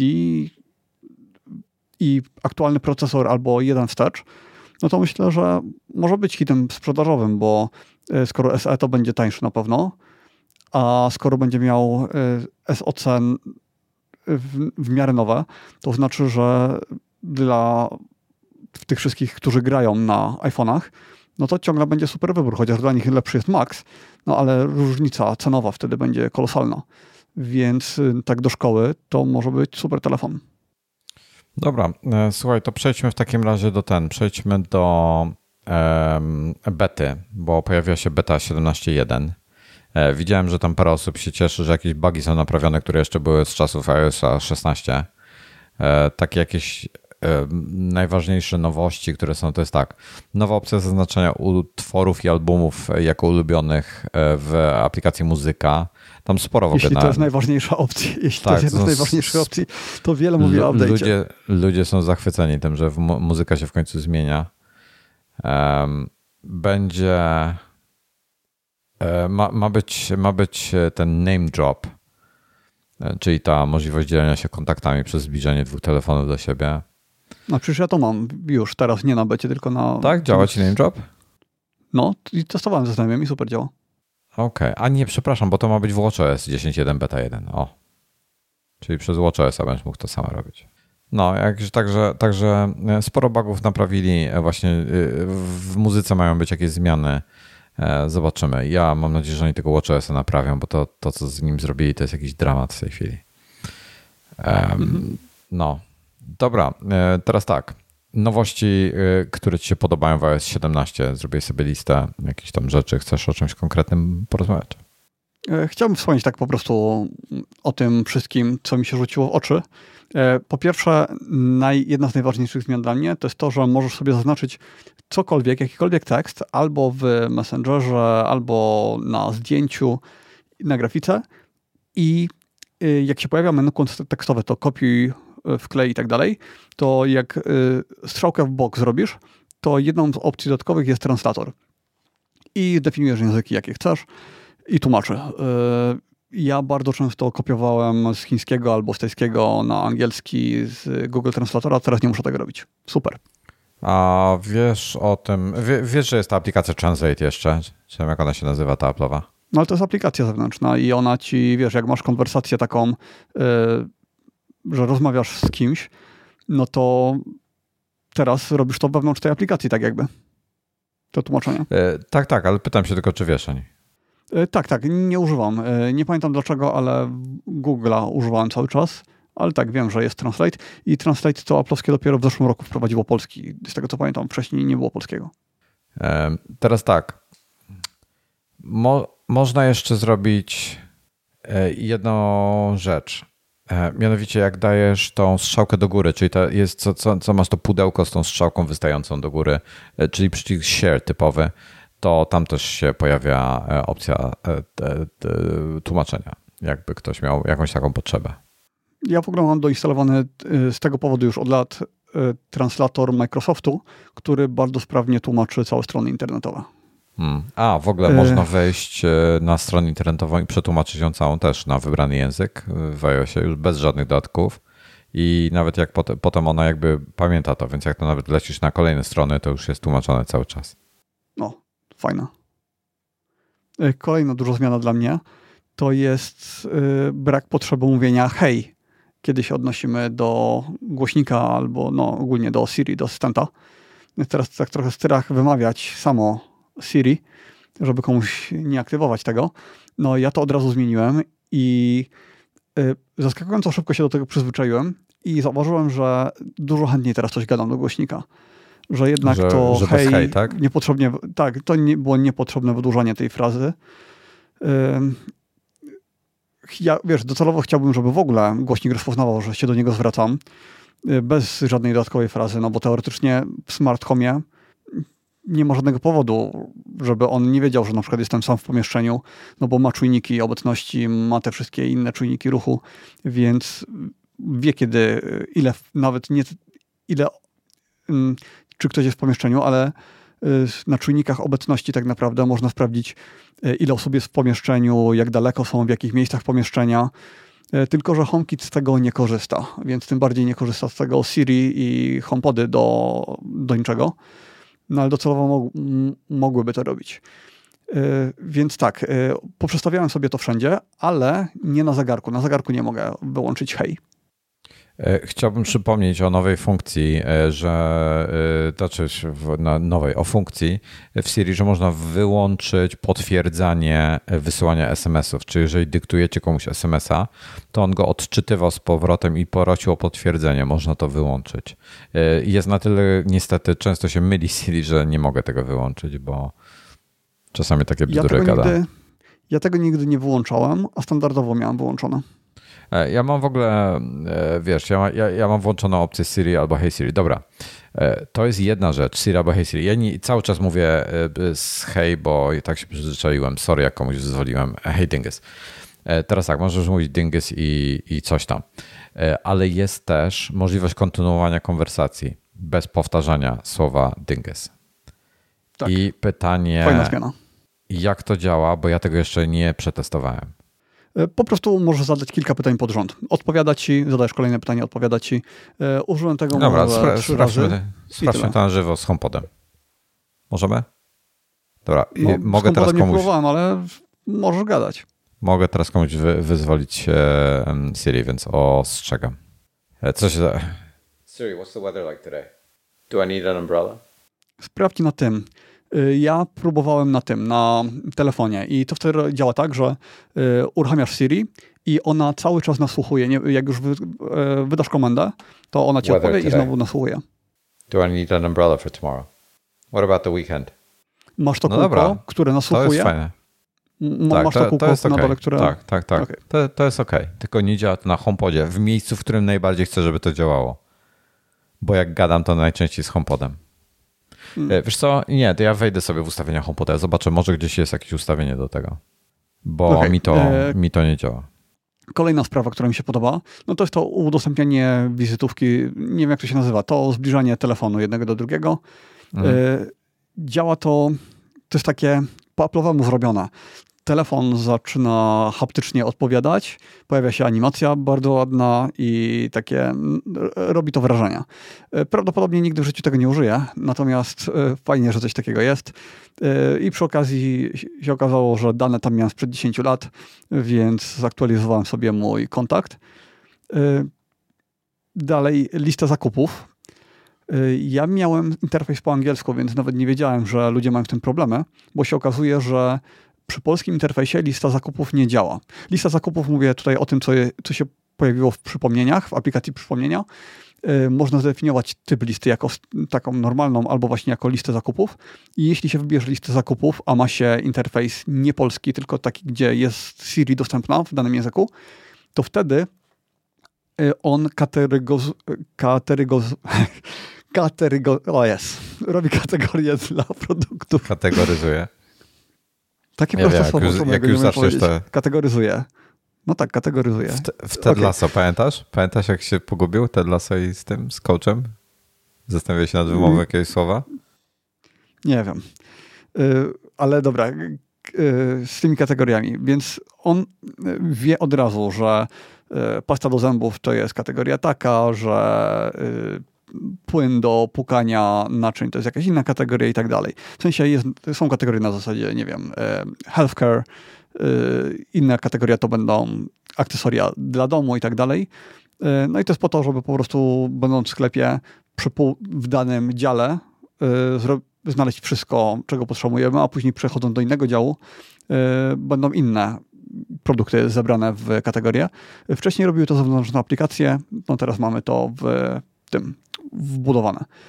Y, I co też zauważyłem, iOS 16, kiedyś mówiłem, że zepsuł listę zakupów na zegarku. To znaczy, jak się powiedziało, e, żeby wyświetlił listę zakupów, mm, to on wyświetlał tylko informację, że mam takie, taką listę zrobioną o nazwie lista zakupów, ale nie wyświetlał, co się na niej znajduje. Wcześniej wyświetlał. Przez lata wyświetlał. Mogłem iść po sklepie i na zegarku sobie odhaczać wszystko.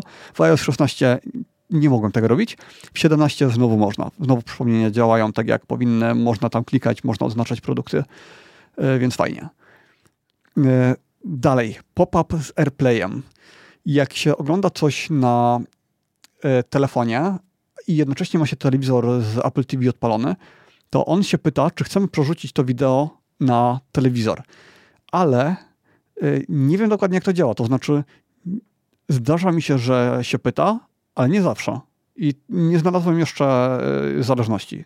Może jak coś się dzieje na Apple TV, na przykład jest jakaś aplikacja uruchomiona, to wtedy, jak jesteś na home screenie, to wtedy się pyta, jak jesteś w aplikacji, to nie. Przykładowo sugeruję. Mm, Będę musiał to, tak, będę musiał to poobserwować. E, Y- Mi, os, no, mi ostatnio, wiesz, od, też włączyłem telewizor, e, wziąłem słuchawki, miałem e, AirPodsy przy sobie, otworzyłem je, od razu się wyświetliło, czy chcę się z nimi połączyć, e, więc wiesz, super. Mm, A przy okazji mi Sonoma i nowe, nowy telefon naprawiły to przerzucanie między urządzeniami. Z AirPod, Air- AirPodsy mi się teraz przełączają dużo sprawniej niż kiedyś. Przy okazji też wróciło mi naładowanie etui z AirPodsów, y, więc fajnie. Y, szybkość w HomeKicie, jak gadam do Siri, to szybkość HomeKita, reagowanie na polecenia bardzo mocno przyspieszyło. Y, słyszę ćwierkanie, słyszę ptaki jakieś. Czy to u ciebie? Tak. Okej. Okay. Przyspieszył mi ten HomeKit, ale nie wiem, czy dlatego, że nowy iOS y, działa sprawniej, czy po prostu nowy iPhone y, no jest szybszy, więc też może mieć przełożenie na szybkość reakcji Siri. Nie wiem. Kolejna rzecz, która mi się podoba, to jest to, że jak zbliżamy się do HomePodów, to automatycznie na telefonie wyświetla się powiadomienie, taki pop-up z nazwą tego, co gra, albo z jakąś ofertą, e, ofertą z, z propozycją, e, co chcemy zrobić z tym HomePodem. Czyli przejmujemy kontrolę nad HomePodem po prostu e, prawie automatycznie, a nie tak jak kiedyś, że musieliśmy najpierw kliknąć gdzieś tam w ustawienia dźwięku i dopiero wtedy wyświetlić pop-up sterujący HomePodem, no to teraz on się wyświetla standardowo na iPhone'ie, super. I działa to faktycznie sprawnie, to znaczy jak wchodzę do pomieszczenia, to ten pop-up się pojawia, jak z pomieszczenia wychodzę, to raczej yy, znika. Nie zawsze. Czasami jest tak, że jestem wciąż poza pomieszczeniem, a pop-up do sterowania HomePodami i tak jest wyświetlany, no ale HomePody mam przy ścianie, więc no, przez ścianę to jest na tyle blisko, że on ciągle myśli, że jestem bardzo blisko niego pewnie. Plakaty. Fajna funkcja. To, że jak mamy kontakty, to wyświetlają się ich zdjęcia na całym ekranie, ale to nie są zdjęcia te, które są profilowymi, tylko dodatkowe fotografie. Więc jest zdjęcie profilowe i dodatkowo plakat. Y, bardzo estetycznie to wygląda, e, przy czym mam trochę zastrzeżenia co do tego, że jak się z kimś rozmawia przez FaceTime'a, no i zablokuje telefon, a później go odblokowuje, to pokazuje się ten plakat na całym ekranie, super to wygląda, pokazują się kontrolki do sterowania e, telefonem, tam wyciszenie mikrofonu, wyłączenie rozmowy i tak dalej. No i ta ikona z wyłączenia rozmowy jest dokładnie w tym miejscu, po którym się przesuwa palec, żeby odblokować telefon. Ja za każdym razem, jak odblokowuję telefon i widzę, jak mi ten palec tam się zatrzymuje na tym e, czerwonym polu, to mam takie, e, że nie no, przecież mi się to za chwilę rozłączy. E, bo to jest tak, że te kontrolki, nawet jeśli Face ID, jeśli ekran jest zablokowany, w sensie nasza twarz jeszcze nie została odczytana, to wciąż możemy wyłączyć mikrofon. Więc no ja nie sprawdzałem, ale zakładam, że inne przyciski też w takim razie działają i to od kończenia rozmowy też wtedy zadziała. Natomiast jest tak, że w momencie, kiedy odblokowujemy telefon, y, to on się przełącza wtedy z tego trybu plakatu w tryb już normalnego ekranu. Y, I co, co jeszcze? Wygodniejsze QR-kody. To taka drobna zmiana, ale fajne jest to, że jak się odczytuje jakiegoś QR-koda, to zamiast pop-upa wyskakuje powiadomienie o QR-kodzie Y, na dole, blisko kciuka, więc łatwo jest tam kliknąć i nie odpala przeglądarki internetowej. Na przykład, jeśli QR kod jest po to, żeby uruchomić jakąś aplikację. To kiedyś było tak, że najpierw się uruchamiało Safari i dopiero z Safari się przełączał ekran na tą aplikację i widzieliśmy, jak to wszystko tak miga po ekranie. No to teraz się to robi automatycznie z pominięciem Safari, więc drobna zmiana, ale fajna. Y, nie wiem, czy wcześniej Hey Dingus działało z Apple TV, jak się miał AirPods włożone? Wydaje mi się, że nie. Nigdy teraz nie się bardzo zdziwiłem. No teraz się bardzo zdziwiłem, że yy, myślałem, że gadam do zegarka, a się okazało, że gadam do telewizora. Ja się zacząłem zastanawiać, co jest grane, bo zapomniałem w ogóle, że, że AirPodsy mam założone i zacząłem kombinować, gdzie mam mikrofon w takim razie. Czy on bierze mikrofon z tego, z e, iPhone'a, czy o to chodzi? No nie, okazało się, że jak schowałem, jak już się zorientowałem, że mam AirPods i je schowałem, to e, na samego iPhone'a nie reagował. A szkoda, bo mógłby, e, no bo ten sam profil, to, to samo Apple ID mam na jednym i na drugim, mm, ale ja mam wyłączone Siri na telefonie, więc muszę przetestować, co jak je włączę. No i kolejna zmiana, tym razem moim zdaniem bardzo, bardzo duża, y, doczekaliśmy się VPN-ów na Apple TV.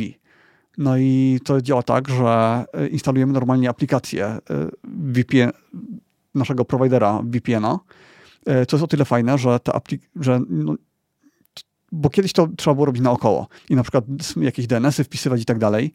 No a skoro teraz mam normalnie aplikację zainstalowaną, to znaczy, że tam mogą być propozycje serwerów w tej aplikacji i wygodnie się przełączamy. Teraz chcemy ze Stanów Zjednoczonych oglądać seriale, teraz z UK, teraz skądinąd.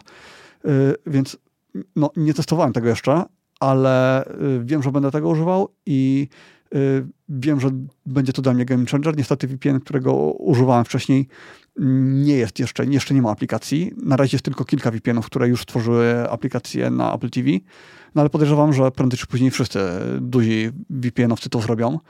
No a jak ktoś widział, na przykład jak wygląda Prime w Stanach Zjednoczonych, a jak wygląda w Polsce, no to to są dwa zupełnie inne serwisy. To jest taka różnica w katalogu, że ja chyba tam na stałe będę miał VPN-a ustawionego jakiegoś i będę korzystał z tego non-stop. Na, właśnie na Kalifornię yy, chyba będę miał ustawione standardowo i po prostu kiedy będę chciał zobaczyć coś lokalnego, to wtedy go wyłączę i tyle. No, więc dla mnie to były takie najważniejsze funkcje i co jakiś czas tam odkrywam coś nowego, ale to są te zmiany, które faktycznie są dla mnie istotne. E, czy jest coś, o czym nie wspomniałem, a co na sobie zrobiło wrażenie? E, ja chcę na moment e, kolejny real-time follow-up, bo było pytanie o, że, że Łukasz odczuwa bardzo duży spadek baterii w 13 mini. Ja za każdym razem chyba przy każdego roku to powtarzam, Pierwsze dni, godziny, tygodnie to jest optymalizacja systemu, to jest kaszowanie, to jest e, e, wykrywanie twarzy, wykrywanie tego, czy macie się uśmiechacie, czy nie i tak dalej, i tak dalej. E, tych, tych, tego wszystkiego jest mnóstwo. To będzie indywidualne dla każdego, bo każdy ma inne treści, inne systemy, inną, inną konfigurację. Zostawiajcie telefon podłączony do prądu jak najczęściej możecie po prostu, bo on wtedy z jak najlepszym internetem, bo on będzie wtedy sobie e, działał e, w tle. E, jeżeli to nie pomoże po jakichś paru dniach czy coś, to proponuję wejść sobie w baterię, włączyć tam ten, hmm, jak to się nazywa? Już, już mówię. Ustawienia, bateria i pojawi się lista, ostatnie 24 godziny, pojawi się lista aplikacji i jest przycisk e, w, nad listą, który się po angielsku nazywa Show Activity. Jest to niebieski, to jest prawa kolumna. I w tym momencie pojawi się na przykład kamera, albo tutaj mam Instagram, 18 minut na ekranie i myślnik 2 minuty w tle popatrzcie, czy nie macie czegoś w tle, co wam działało. Bo ja czasami tak się patrzę, kurde, że mam nagle mało baterii na koniec dnia, wchodzę tam i widzę overcast 3 godziny w tle. No i wszystko jasne. Y, ciekawostka. Y, przekonałem kumpla, żeby nie kupował iPhone'a terabajtowego. Upierał się, że musi kupić terabajtowego, bo, zdjęć, bo robi tyle zdjęć, że no, musi nie ma wyboru. Okazało się, że miejsca zajmowało mu 500 MB na, na dysku. Y, miejsce i baterie zjadały i zajmowały mu jedna aplikacja, która się nazywa Countdown. To jest e, licznik dni. Na przykład, że wpisujesz sobie, że za 10 e, dni jest premiera jakiegoś filmu i macie odliczać do premier tej, tego filmu. E, ta aplikacja zjadła na dysku ponad 120 GB miejsca i w baterii była numerem jeden, przebijała Instagrama i wszystko inne. Nie wiem, jak długo w tym żył, ale no na tyle długo, że był przekonany, że musi kupić teraz te, że nie tyle co przekonany, co zamówił terabajtowego iPhone'a 15. E, no na szczęście zerknąłem tam w te statystyki. E, I ja też używam tej aplikacji, ale ja tych problemów nie miałem. E, okazało się też, że Telegram zajmował mu 40 GB, bo nigdy nie czyścił tych załączników tego, co mu tam wysyłali. No więc warto sobie sprawdzić od czasu do czasu. Mnie krwi, że koparka bitcoinów to, było, to była moja pierwsza myśl. E, tak, e, uważajcie, co instalujecie.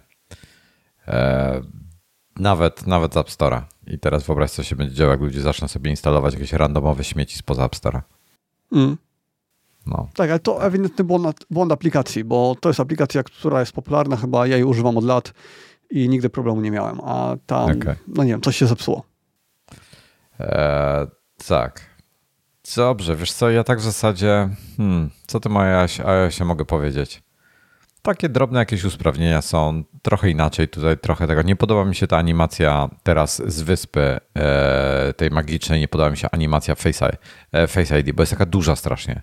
Taki duży czarny kwadrat się robi e, na środku ekranu i to mi się nie podoba. Poza tym jest wszystko ok, ale nie mam jakichś takich... Jaki? Czekaj, czekaj. Face ID kwadrat? No, I... na przykład jak masz jakąś aplikację, na przykład One Password. Mhm. No, z dynamicznej wyspy na górze ci się, ona się powiększa i e, zrobić taki dosyć duży kwadrat i będzie ta animacja Face ID na zielono w środku w nim. Widzisz? Nie wyświetla mi się to. Wiem, że mi się wyświetlało kiedyś takie zielone kółko czy coś, a teraz być może dlatego... Czekaj. No może gdzieś to wyłączyłeś sobie. Nie, nie, nie wiem, nie wyświetla mi się. Teraz po no prostu mi się odblokowuje i, i tyle. Tylko kłódka mi się wyświetla, nic więcej. Odblokowująca się. Um, hmm. A jakąś tą aplikację? Może to ta, a może to ten update ostatni zmienił. Który? No ten 02.02. A ty nie masz 02 jeszcze? Chociaż, chociaż ja go mam od początku. Nie, no myślałem właśnie, że może hmm. on go usunął, tą Nie, tą nie, ma, ja jestem na 02 i to mam. Weź odpal cokolwiek, co masz Face ID. Jak się robi ta animacja po prostu Face ID. E, kurde, zrobiłem... O, dobra, zrobiłem screenshota. Zobacz. Ta, ta, tak, ta, tak duża jest ta ikonka. O Jezu, nigdy tej ikony nie widziałem. Nie, nie, to ja to widzę pierwszy raz. To może masz to... E, wyłą wyłączone animacje albo jakieś takie inne rzeczy. Nie. No dobra, nieważne. Wygląda to jak jakiś bug iOS-a, bo ja faktycznie widziałem takie kółko, ale ono było na wyspie tam z Nie, to nie, wyspy. to nie jest bug. To jest na, na wyspie. Normalnie taki, taki się duży kwadrat robi, się pojawia ta animacja Face ID. Jakiś bank, otwórz cokolwiek, co ci Face ID używa. To w każdym mam dokładnie taką samą animację. To może na czacie daj, dajcie ten, bo, bo kwadratu jest na szerokość wyspy. Ja ją mam. O, Suchy tak, pisze, faktycznie. co to? Masz to? Jak do Citibanku się zalogowałem, to tak, ale u mnie się to pojawiło jako przedłużenie tej listy chyba, a nie jako osobny kwadrat. To, to się robi jako przedłużenie, yy, bo mhm. jakby kwadrat się... Tak, nie, nie, nie to ładne, to, tak, tak, widzę to, ale to w takim razie nie uważam, żeby to było brzydkie. Za, za dużo. Tak, ale na przykład w OnePassword i... mi się to nie pojawia. Co to jest? No, no access when locked. Okej, okay, dobra. E, wejdźcie sobie w Face ID. Tam jest funkcja, jeżeli macie Apple Watcha, e, odblokuj e, telefon zegarkiem, jeżeli jest zegarek w pobliżu telefonu i ta funkcja, ja mam, wyłączyła mi się domyślnie. Miałem ją włączoną na 100%, teraz mi się wyłączyła, więc sprawdźcie sobie. Ja też ją musiałem włączyć. Ja myślałem, że to jest ze względu na migrację ze starego telefonu na nowy.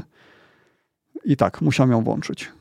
Na suchy, na screenshocie nie jest Oczywiście, że na screenshocie jest pod wyspą, bo screenshot nie był na pełny ekran. Kurde, teraz, teraz ci dałem screenshot na pełny ekran. Tak masz. Jak wcze, no tak, wcześniej, dlatego, ja, dlatego jak wcześniej, on był, o, wcześniej on był mniejszy, taki był. No to oczywiście, że nie było na tym. No kurde, myślałem, tak, że każdy widzi, że on jest full screen. Dlatego jak to pokazałeś wtedy na screenshocie, to wyglądało bardzo dziwnie, że y, jako no. osobny element, a jak to wygląda normalnie, to nie wygląda Nie, to jest tam, gdzie jest wyspa. Mm. No, no, dobra, lecimy dalej z komentarzami albo z tematami? To w zasadzie, w zasadzie to. Wiesz co, ja na przykład tak, z, z widgetami za bardzo nie kombinuję, nic nie zmieniłem w konfiguracji widgetów, bo te, szczerze nie mam miejsca na nie. Po prostu chcę mieć aplikację. Mam ileś tam, chcę, chcę mieć cztery rzędy aplikacji na, na tym, mam staka, nic nowego tam nie dodałem. Um, bo, U mnie bo w też bo, nic nie zmieniło. Dobra, ja pokażę.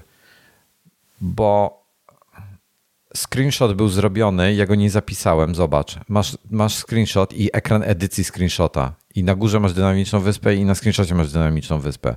Ale patrzysz się tylko na ten, na, na ten. Ta, coś takiego pokazałem. Dobra, przypominam, nagrywam podcast. No, dobra, przepraszam. E, audio w sensie. Dobra, już wszystko wiadomo o co chodzi. Słuchający audio nie mają pojęcia o czym mówimy. Um, e, co jeszcze mogę powiedzieć? W zasadzie tyle. Nie, nie mam innych zastrzeżeń. iOS jakby, iOS jest ok, to do WatchOS mam zastrzeżenia. Mhm. Znaczy ja w tych widgetach widzę potencjał, tylko no, na razie jeszcze nie, nie wykorzystany. Muszę, niech poaktualizują aplikacje, niech dodają te interaktywne widgety, które były kiedyś w sumie, a wycofali się z nich. Bo ja pamiętam, że kiedyś tego używałem. Miałem widgety interaktywne do, yy, do HomeKitu, do rzeczy HomeKitowych. I tam sobie klikałem, że. Ale teraz masz interaktywne. No one wróciły, tak, bo one były w no. chyba 15 czy wcześniej, wyłączyli je chyba w 16 i teraz wróciły w innej formie, w jakiejś takiej ulepszonej chyba. Yy, na pewno home, aplikacja Home Plus, no to ona miała możliwość interaktywnych widgetów kiedyś.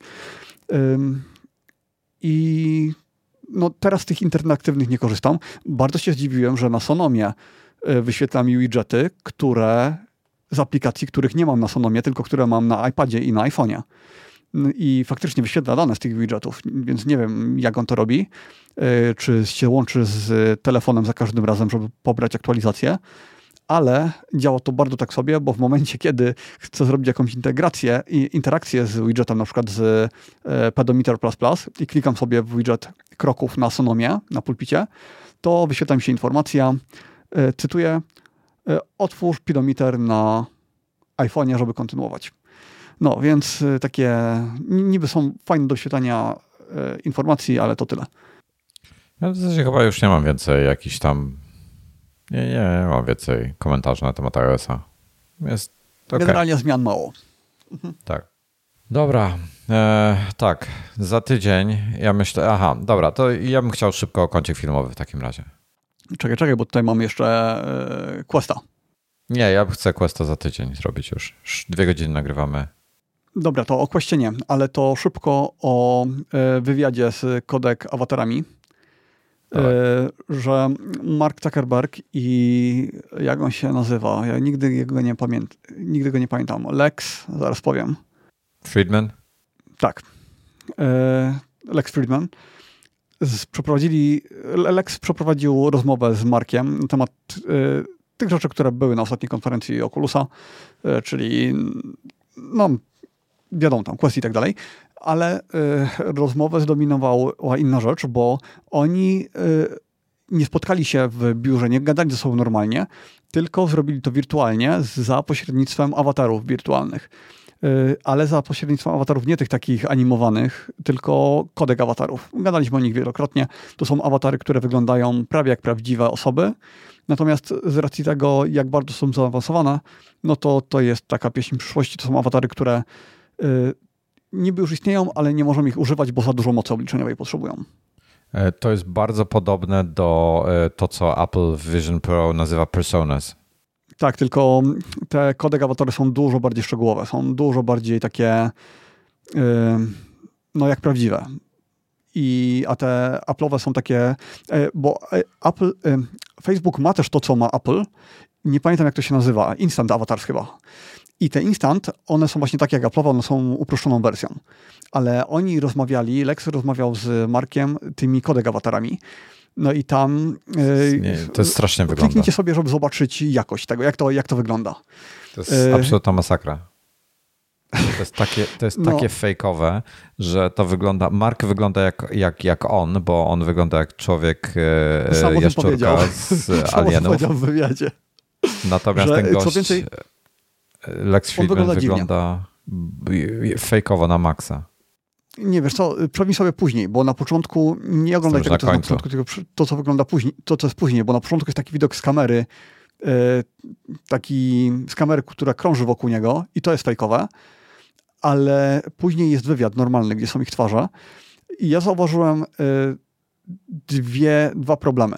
E, po pierwsze, Mark jest wysportowany i on ma kości policzkowe takie, że normalnie jak, rozma jak rozmawia, no to policzki mu się trochę zapadają tak jakby do środka ust, no to kodek awatary nie są w stanie tego przechwycić. Hmm.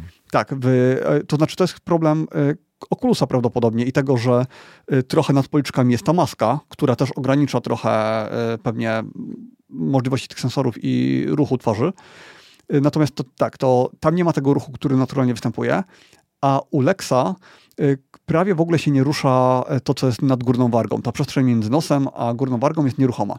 Prawdę mówiąc, nie przyjrzałem się, czy w rzeczywistości e, on też tak mówi, czy, czy w rzeczywistości y, on się tam rusza bardziej. U Marka to jest bardziej realistyczne. Tylko, że e, oni mówili tam tak, że w przyszłości chcieliby dać albo żeby te awatary były bardziej spersonalizowane, bo różne osoby mają różny uśmiech i na przykład e, Mark wtedy właśnie wspomniał, że on się uśmiecha jak robot i mimo, że na przykład y, czuje dużo emocji, to po nim tego nie widać. Y, no więc mógłby sobie zmodyfikować tak awatara, żeby on bardziej odzwierciedlał to, co on czuje, niż jak on wygląda. Nie? I że jak się uśmiecha, to żeby się uśmiechał bardziej niż w rzeczywistości. No i to faktycznie jest ciekawa opcja, ale generalnie to było tak, że Lex trochę momentami nie był w stanie prowadzić tego wywiadu, bo tak bardzo na nim, ta technologia na nim robiła takie wrażenia, że y, na samym początku wywiadu to on w ogóle próbował jakoś tam zebrać myśli, żeby skonstruować jakieś zdania i bardzo dużo czasu mu to zajmowało. I w końcu jak już przyzwyczaił do tego, no to tam pogadali e, trochę e, na różne tematy, ale generalnie co jakiś czas wracał do tego, że nie może uwierzyć, jak bardzo to, jak, jak dobre to jest, że czuje się jakby był z nim w pomieszczeniu, no bo pamiętajmy też, i o tym też gadali, że to, co my widzimy jako obraz dwuwymiarowy, mm, jako podgląd tego, no to to wygląda zupełnie inaczej niż to, co oni widzą, bo generalnie przechwytywanie obrazu z VR-u działa bardzo słabo. E, to widać bardzo mocno po, po gameplayach, gdzie po prostu no, źle, źle to wygląda. Ruch kamery wygląda słabo, nie ma głębi, którą, to, którą my widzimy będąc w VR-ze. No więc oni tą głębię mają, oni mają dźwięk e, Atmos, taki spatial audio, więc wiedzą dokładnie, z której strony to audio dochodzi. Facebook też bardzo dużą, duży nacisk kładzie na brak opóźnień w, w, audio, więc to nie jest tak jak podczas rozmowy na Skype albo nawet na FaceTime, gdzie my coś mówimy i dopiero po chwili y, to jest przez jakieś tam kodeki przerabiane i dochodzi do drugiej osoby, tylko tutaj to opóźnienie jest dużo, dużo mniejsze niż nawet na Zoomie i na każdej innej, y, w każdym innym komunikatorze. Y, Carmack o tym dużo mówił. Carmack to jest John Carmack, który kiedyś pracował dla nich. To jest osoba, która absolutnie nie ma żadnych zahamowań, żeby krytykować Metę. Nawet jak dla nich pracował, to on, na przykład jak była konferencja, to wszyscy gadali ze skryptu, a on sobie siadał przed kamerą na dwie godziny i co mu do głowy przyszło, to po prostu e, gadał. A później zrobił sesję Q&A, gdzie można mu było zadawać pytania i też e, e, Słyszałem, że miał w kontrakcie, nie wiem na ile to jest prawdziwe, ale że w kontrakcie miał jakiś tam zapis, że mm, nie musi tak jakby gadać tego, co team marketingowy mu powie, tylko wszystko, co chce, może powiedzieć. No i on mówił, że te opóźnienia, które są w, u nich w tym VR-ze, no to żaden komunikator takich opóźnień nie ma, że to jest y, dużo, dużo niższe. Więc polecam sobie zerknąć na tego YouTube'a. Nie musicie oglądać tego całego, ale zobaczcie sobie, jak to wygląda. I przypominam, że oni korzystają z Oculusa Pro, nie z jakiegoś sprzętu zewnętrznego, tylko z Oculusa Pro, który jest sprzętem pierwszej generacji, w ogóle pierwsze odczytywanie twarzy, jaki Facebook zrobił, więc to będzie mega dopracowane za kilka lat. Y, I y, no tyle, zobaczcie sobie to. John, John Carmack oryginalnie z ID Software, jeśli dobrze pamiętam.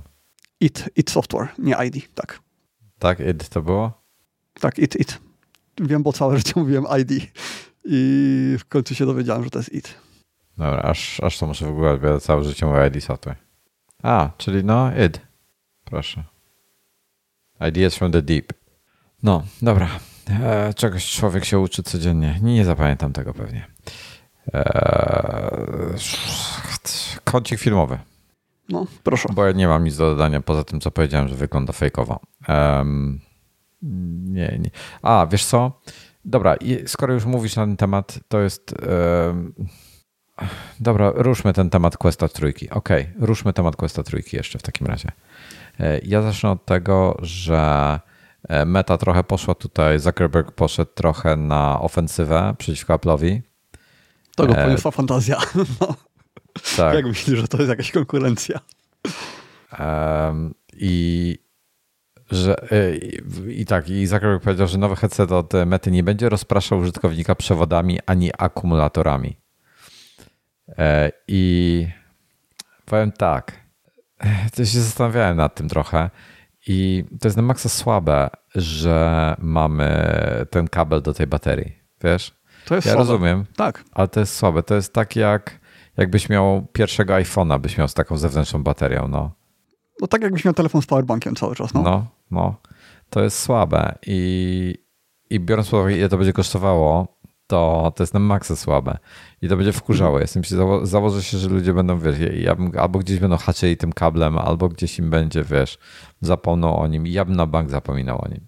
Po prostu musi powstać pasek akcesoryjny, który będzie miał baterię z tyłu. I być no. może niech Apple też taki zrobi. Oryginalny. Akcesoryjny. Nie, no, ale nie, nie ten. Ja tak wiesz, ja tak, to, to mi się zmienia z miesiąca na miesiąc. Raz myślę, że będę kombinował, jak tu ściągnąć, ściągnąć sobie tego e, Vision Pro, z drugiej strony potem sobie myślę, kurde, ale takie pieniądze, więc nie wiem, zobaczymy. Um, zobaczymy, co z tym będzie. E, ale, ale takie, e, takim hasłem rzucił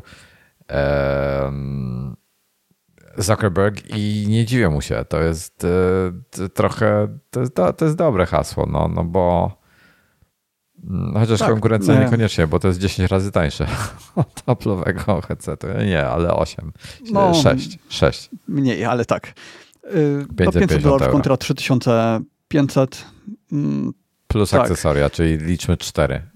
No, no. Bo będziesz musiał dokupić coś tam na bank. Tak, a w koście, w koście już mamy kontrolery do gier, więc mamy e, haptykę odpowiednią. Dzięki temu e, do Apple'a nie będziemy mieli w ogóle kontrolerów prawdopodobnie. Ale, tam, ale, to... ale soczewki, za soczewki będziesz płacił, te wkładki. Tak, tak. Bardzo stawiali, na prezentacji bardzo nacisk Meta stawiała na rozszerzoną rzeczywistość, na mixed reality właściwie, mieszanie świata cyfrowego z realnym a właściwie nie z realnym, co z fizycznym, bo Mark tłumaczył w podcaście później, że realny świat to jest tak naprawdę, no teraz jeszcze nie, ale w przyszłości będzie, realnym światem będzie dla nas ten mieszany. E, mieszanka cyfrowego świata z fizycznym to będzie dla nas to, co jest realne e, no bo będziemy mieli tam rzeczy, z których na co dzień korzystamy, po prostu one będą wirtualne, ale będą w tym świecie. Więc on to nazywa światem fizycznym i światem wirtualnym. I oni na konferencji dużą uwagę e, temu poświęcali, że na przykład w przyszłości będziesz mógł być w pomieszczeniu udekorowanym e, wirtualnymi plakatami, e, portalem do jakiejś gry, no, jakimiś ozdobami, przedmiotami fizycznymi, które wyglądają jak fizyczna. Natomiast dużo z tego będzie dopiero w przyszłości. A standardowo ja myślę, że cały czas Quest to będzie jednak narzędzie do grania, bo tam nie będzie wyświetlacza 4K. Więc y, można zapomnieć o wrażeniach filmowych, takich jak na fajnym telewizorze. Do tego musi być wysoka rozdzielczość, do tego musi być porządny HDR. Apple nam to daje, Quest nie. Więc y, Quest to przede wszystkim będzie dużo lepiej po pierwsze dużo lepsze soczewki niż w Questie 2, bo będą pancake'i, czyli soczewki naleśnikowe. To znaczy, że będą dużo bardziej klarowne na brzegach, a nie tylko na środku. E, dzięki temu też cały headset bardzo mocno zmaleje, będzie dużo, dużo mniejszy, będzie lżejszy od poprzedniego. E, dzięki temu też e, będzie można użyć trochę lepszych wyświetlaczy i będzie na nich widać tą lepszą jakość. I te wyświetlacze nie będą dużo lepsze od poprzednich, znaczy, no będą lepsze, ale to nie będzie przepaść, to nie będzie 4K. PPD 25, czyli 25 pikseli na stopień y, i kąt Ile widzenia, ma Vision Pro? Przypomnij mi. Y, nie pamiętam, ale ponad 30 chyba. Ponad, co ja gadam? Ponad 35. Nie, nie, nie pamiętam, ale różnica będzie bardzo duża. 110 stopni horyzontalnie i 96 wertykalnie kąty widzenia. I główna różnica między Questem Pro no to jest brak śledzenia wzroku, bo tak naprawdę ten Quest 3 y, będzie pod wieloma względami dużo lepszy od Questa Pro. Będzie lżejszy, będzie miał lepszy chip w środku, o właśnie chip SoC będzie dużo, dużo szybszy od poprzedniego i od tego w Questie Pro. Dzięki temu gry bardzo mocno zyskają na grafice. I to już wiemy w tej chwili, y, że ta grafika będzie dużo lepsza. Były pokazywane przykłady. Red Matter pokazało, Red Matter to jest Red Matter to jest chyba najlepiej wyglądająca gra na Questa 2, no i teraz będzie wyglądała jeszcze lepiej. Um, no, bardzo dużo upgrade, ale jednocześnie też wyższa cena, tak jak Wojtek wspomniał, 550 euro, no a wcześniej to było 350 euro. Więc stary Quest pozostaje w sprzedaży z tego co wiem, jako tańsza alternatywa, no a nowy dla osób, które chcą mixed reality i lepszą jakość obrazu, no to za 550. To jest wciąż super cena jak za taki headset, E, tym bardziej, że będzie też jako headset e, do e, PC-a, do, będzie wciąż można go było używać do grania w gry PC-owe. Czego przypominam, Apple nam nie daje. PPD ma być Vision Pro między 50 a 70, średnio powiedzmy rejon 60. 70? Skąd taka statystyka? Między 50 a 70. 70? Tak. 50 to rozumiem, ale 70? Między 50 a okay. 70 żeby 70, to te kąty widzenia musiałby mieć bardzo małe, żeby przy takim ekranie mieć 70. Bo to oni tu piszą, że jest przy 120 to jest 50, e, e, a przy 100 stopniach jest 70. Okej. Okay. No on ma około 100 z tego, co tam ludzie donosili. No dobra, to zobaczymy.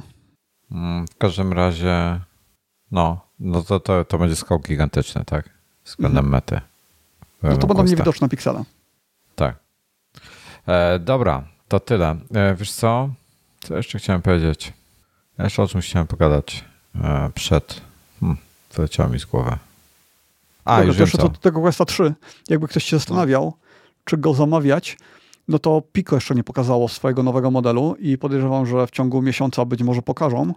A Pico z racji tego, że jest już dostępny w Europie, to może być ciekawą alternatywą, ale y, Meta na tyle ma ciekawy ekosystem, na tyle go też rozwija, że oni programowo są dużo bardziej zaawansowani. Więc gdyby się okazało, że to Pico jest w tej samej cenie, no to podejrzewam, że Quest jednak będzie lepszym wyborem, a tutaj Pico, jeśli chce konkurować, to będzie musiał konkurować niższą ceną. Nie, jestem nietypowy, jeśli chodzi o mnie zupełnie ten Quest nie interesuje. W sensie nie, nie widzę sensu do tego. To byłoby dobre do. E, tak naprawdę to, co mnie interesuje, to oglądanie e, filmów w czymś takim, w takiej super jakości, ale to wtedy muszę mieć Vision Pro. No i granie. Nie interesuje mnie granie w tym. E, interesuje A to mnie. Z symulatorem? Symulator by mnie interesował, ale nie, nie to, co oferujemy te Quest. Dużo lepszą jakość potrzebuję. Mhm. A to tego komputer nie da rady, bo to musi być nie, wiesz, takie osobne, tylko to musi być PC VR i tak. to musi być du dużo lepszą jakość mieć. I mhm. dużo mocniejszy sprzęt potrzebuje, tak? Grafika będzie musiała mieć typu przynajmniej dwukrotnie wyższą wydajność. Więc 40-90 podkręcony tutaj nie, nie wystarczy. Mm, także nie ma sprzętu do tego.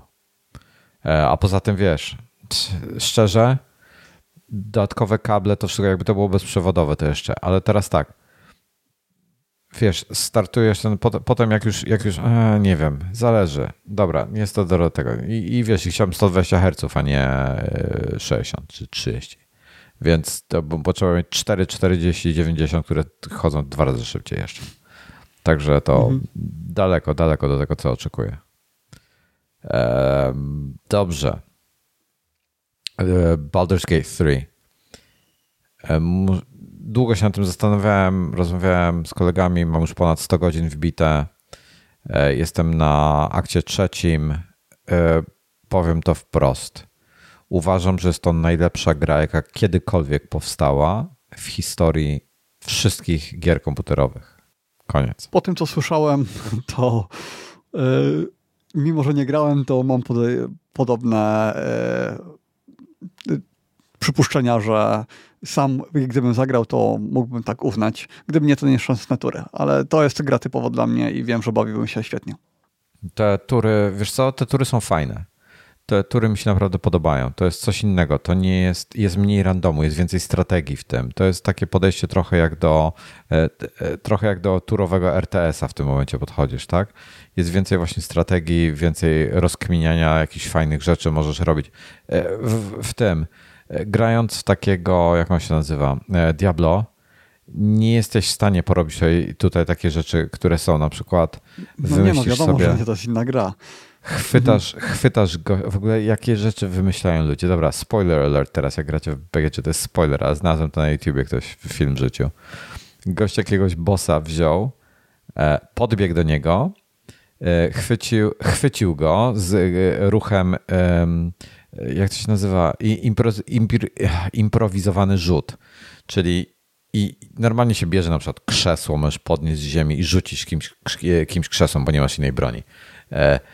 Tutaj on podbiegł do głównego bossa, chwycił tego bossa i ustawił, że ma przejść z nim i gdzieś go tam rzucić, typu jakiś dystans, nie wiem, 30 metrów czy 20 metrów, nie wiem, nieważne ile. I w tym czasie, jak on szedł i wykonywał tą akcję, żeby podbiec gdzieś tam i rzucić, to wszedł w teleport i się przeteleportował w inne miejsce.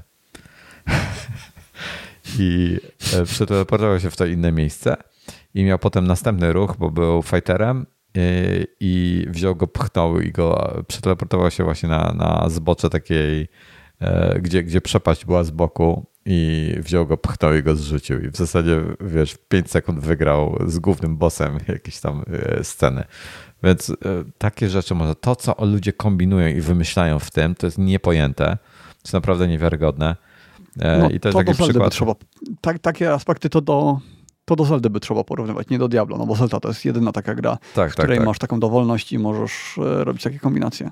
Nie, to, to jest po prostu niewiarygodne, jak możesz kombinować. Grach, Słuchaj, możesz rzucić, gość stoi, możesz rzucić w niego butelką wody i w tym momencie woda mu się rozleje pod, pod tym i załóżmy, że tam wokół niego stoi jakiś kilku pachołków, to strzelasz e, strzałą e, elektryczną, taką, która e, wiesz, zaczyna, ma, ma jakieś tam pole elektryczne i ona razi prądem wszystkich. W ogóle kosmos No totalny. tak, ale to już Divinity, to, to już ich poprzednia gra miała na jeszcze wyższym poziomie niż e, Baldur's. Ym, ale skoro gadamy o grach, to możemy wspomnieć najważniejszą chyba premierę gry makowej w historii y, maków, a przynajmniej tych współczesnych, czyli Lies of P. Jest to chyba pierwsza gra AAA, która wyszła jednocześnie na Maki i na PC-ty. W dodatku ma niesamowitą optymalizację. Oni współpracowali z Applem, e, rob- przygotowując to na Maki. To prawda tylko na te nowe, na te z SOCM, z Apple Silicon, nie na Intelowe. No ale działa podobno fenomenalnie. No i jest to gra AAA, czyli mega, giga, super produkcja, yy, która zbiera rewelacyjne oceny. No i mocie, możecie na tym grać na Macach z procesorami. Jeśli macie yy, yy, Maxy, to nawet w 4K chyba w 60 klatkach wtedy śmiga. E, I tutaj mnie ubiegłeś trochę, bo chciałem powiedzieć o tym, że e, Baldur's Gate 3 też już jest dostępny na Maki. A to już gadaliśmy wcześniej. Tak? Mówiliśmy, że, że będzie chyba. To już jest. Że będzie, że, że będzie i że jest to, wydaje mi się, też już padło, tak. A, no może. No w każdym razie to zanim to Life of Pi zainstalujecie, to pobawcie się Baldursa. E, Ktoś mi dawał feedback, że na M1 e, na Macu Mini takim bazowym działa bardzo słabo. E, Więc być może przyda się tutaj Mac Studio z, z jakimś e, M1 czy M2 Maxem, żeby trochę więcej rozdzielczości z tego i FPS-ów wyciągnąć. E, Dobra, e, kącik filmowy tak szybko na koniec, tylko e, skończyłem fundację. Ostatnie te trzy odcinki, o których mówiłem ostatnio, że ich nie skończyłem. Fajny klimat, podoba mi się. Te, jakby te, te, te środkowe odcinki tam mi się ze dwa czy trzy nie podobały, tutaj znowu to wróciło. Ta laska taka w środku, ta taka mentalistka, wiesz o której mówię?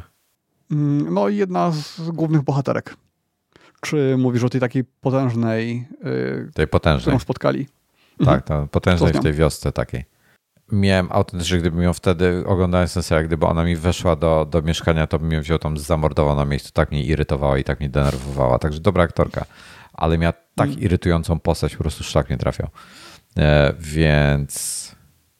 O, e, Suchy pisze, Baldur's Gate 3 na M1 Pro z 16 GB działa ok, e, No, ale czekaj, czekaj, potrzeba zdecyduj się na jakim temacie gadamy. Sorry, to Yy, taki fundacja. real-time przy tego. Tak, Fundacja wracamy e, ponownie. E, Także jestem bardzo fajny serial i jestem zachwycony. Ja też. Teraz tak, zaczęliśmy oglądać Inwazję. Niestety teraz mnie trzy dni nie było, więc e, nie obejrzałem chyba ze cztery odcinki, może pięć, cztery chyba pierwszego sezonu obejrzeliśmy Inwazji. E, Muszę powiedzieć, że te pierwsze cztery odcinki, czy trzy, czy cztery odcinki są znakomite. Jestem zachwycony inwazją. E, Dużo lepiej na podstawie, mówię, tych pierwszych trzech, czterech odcinków niż się spodziewałem. Super. Mhm.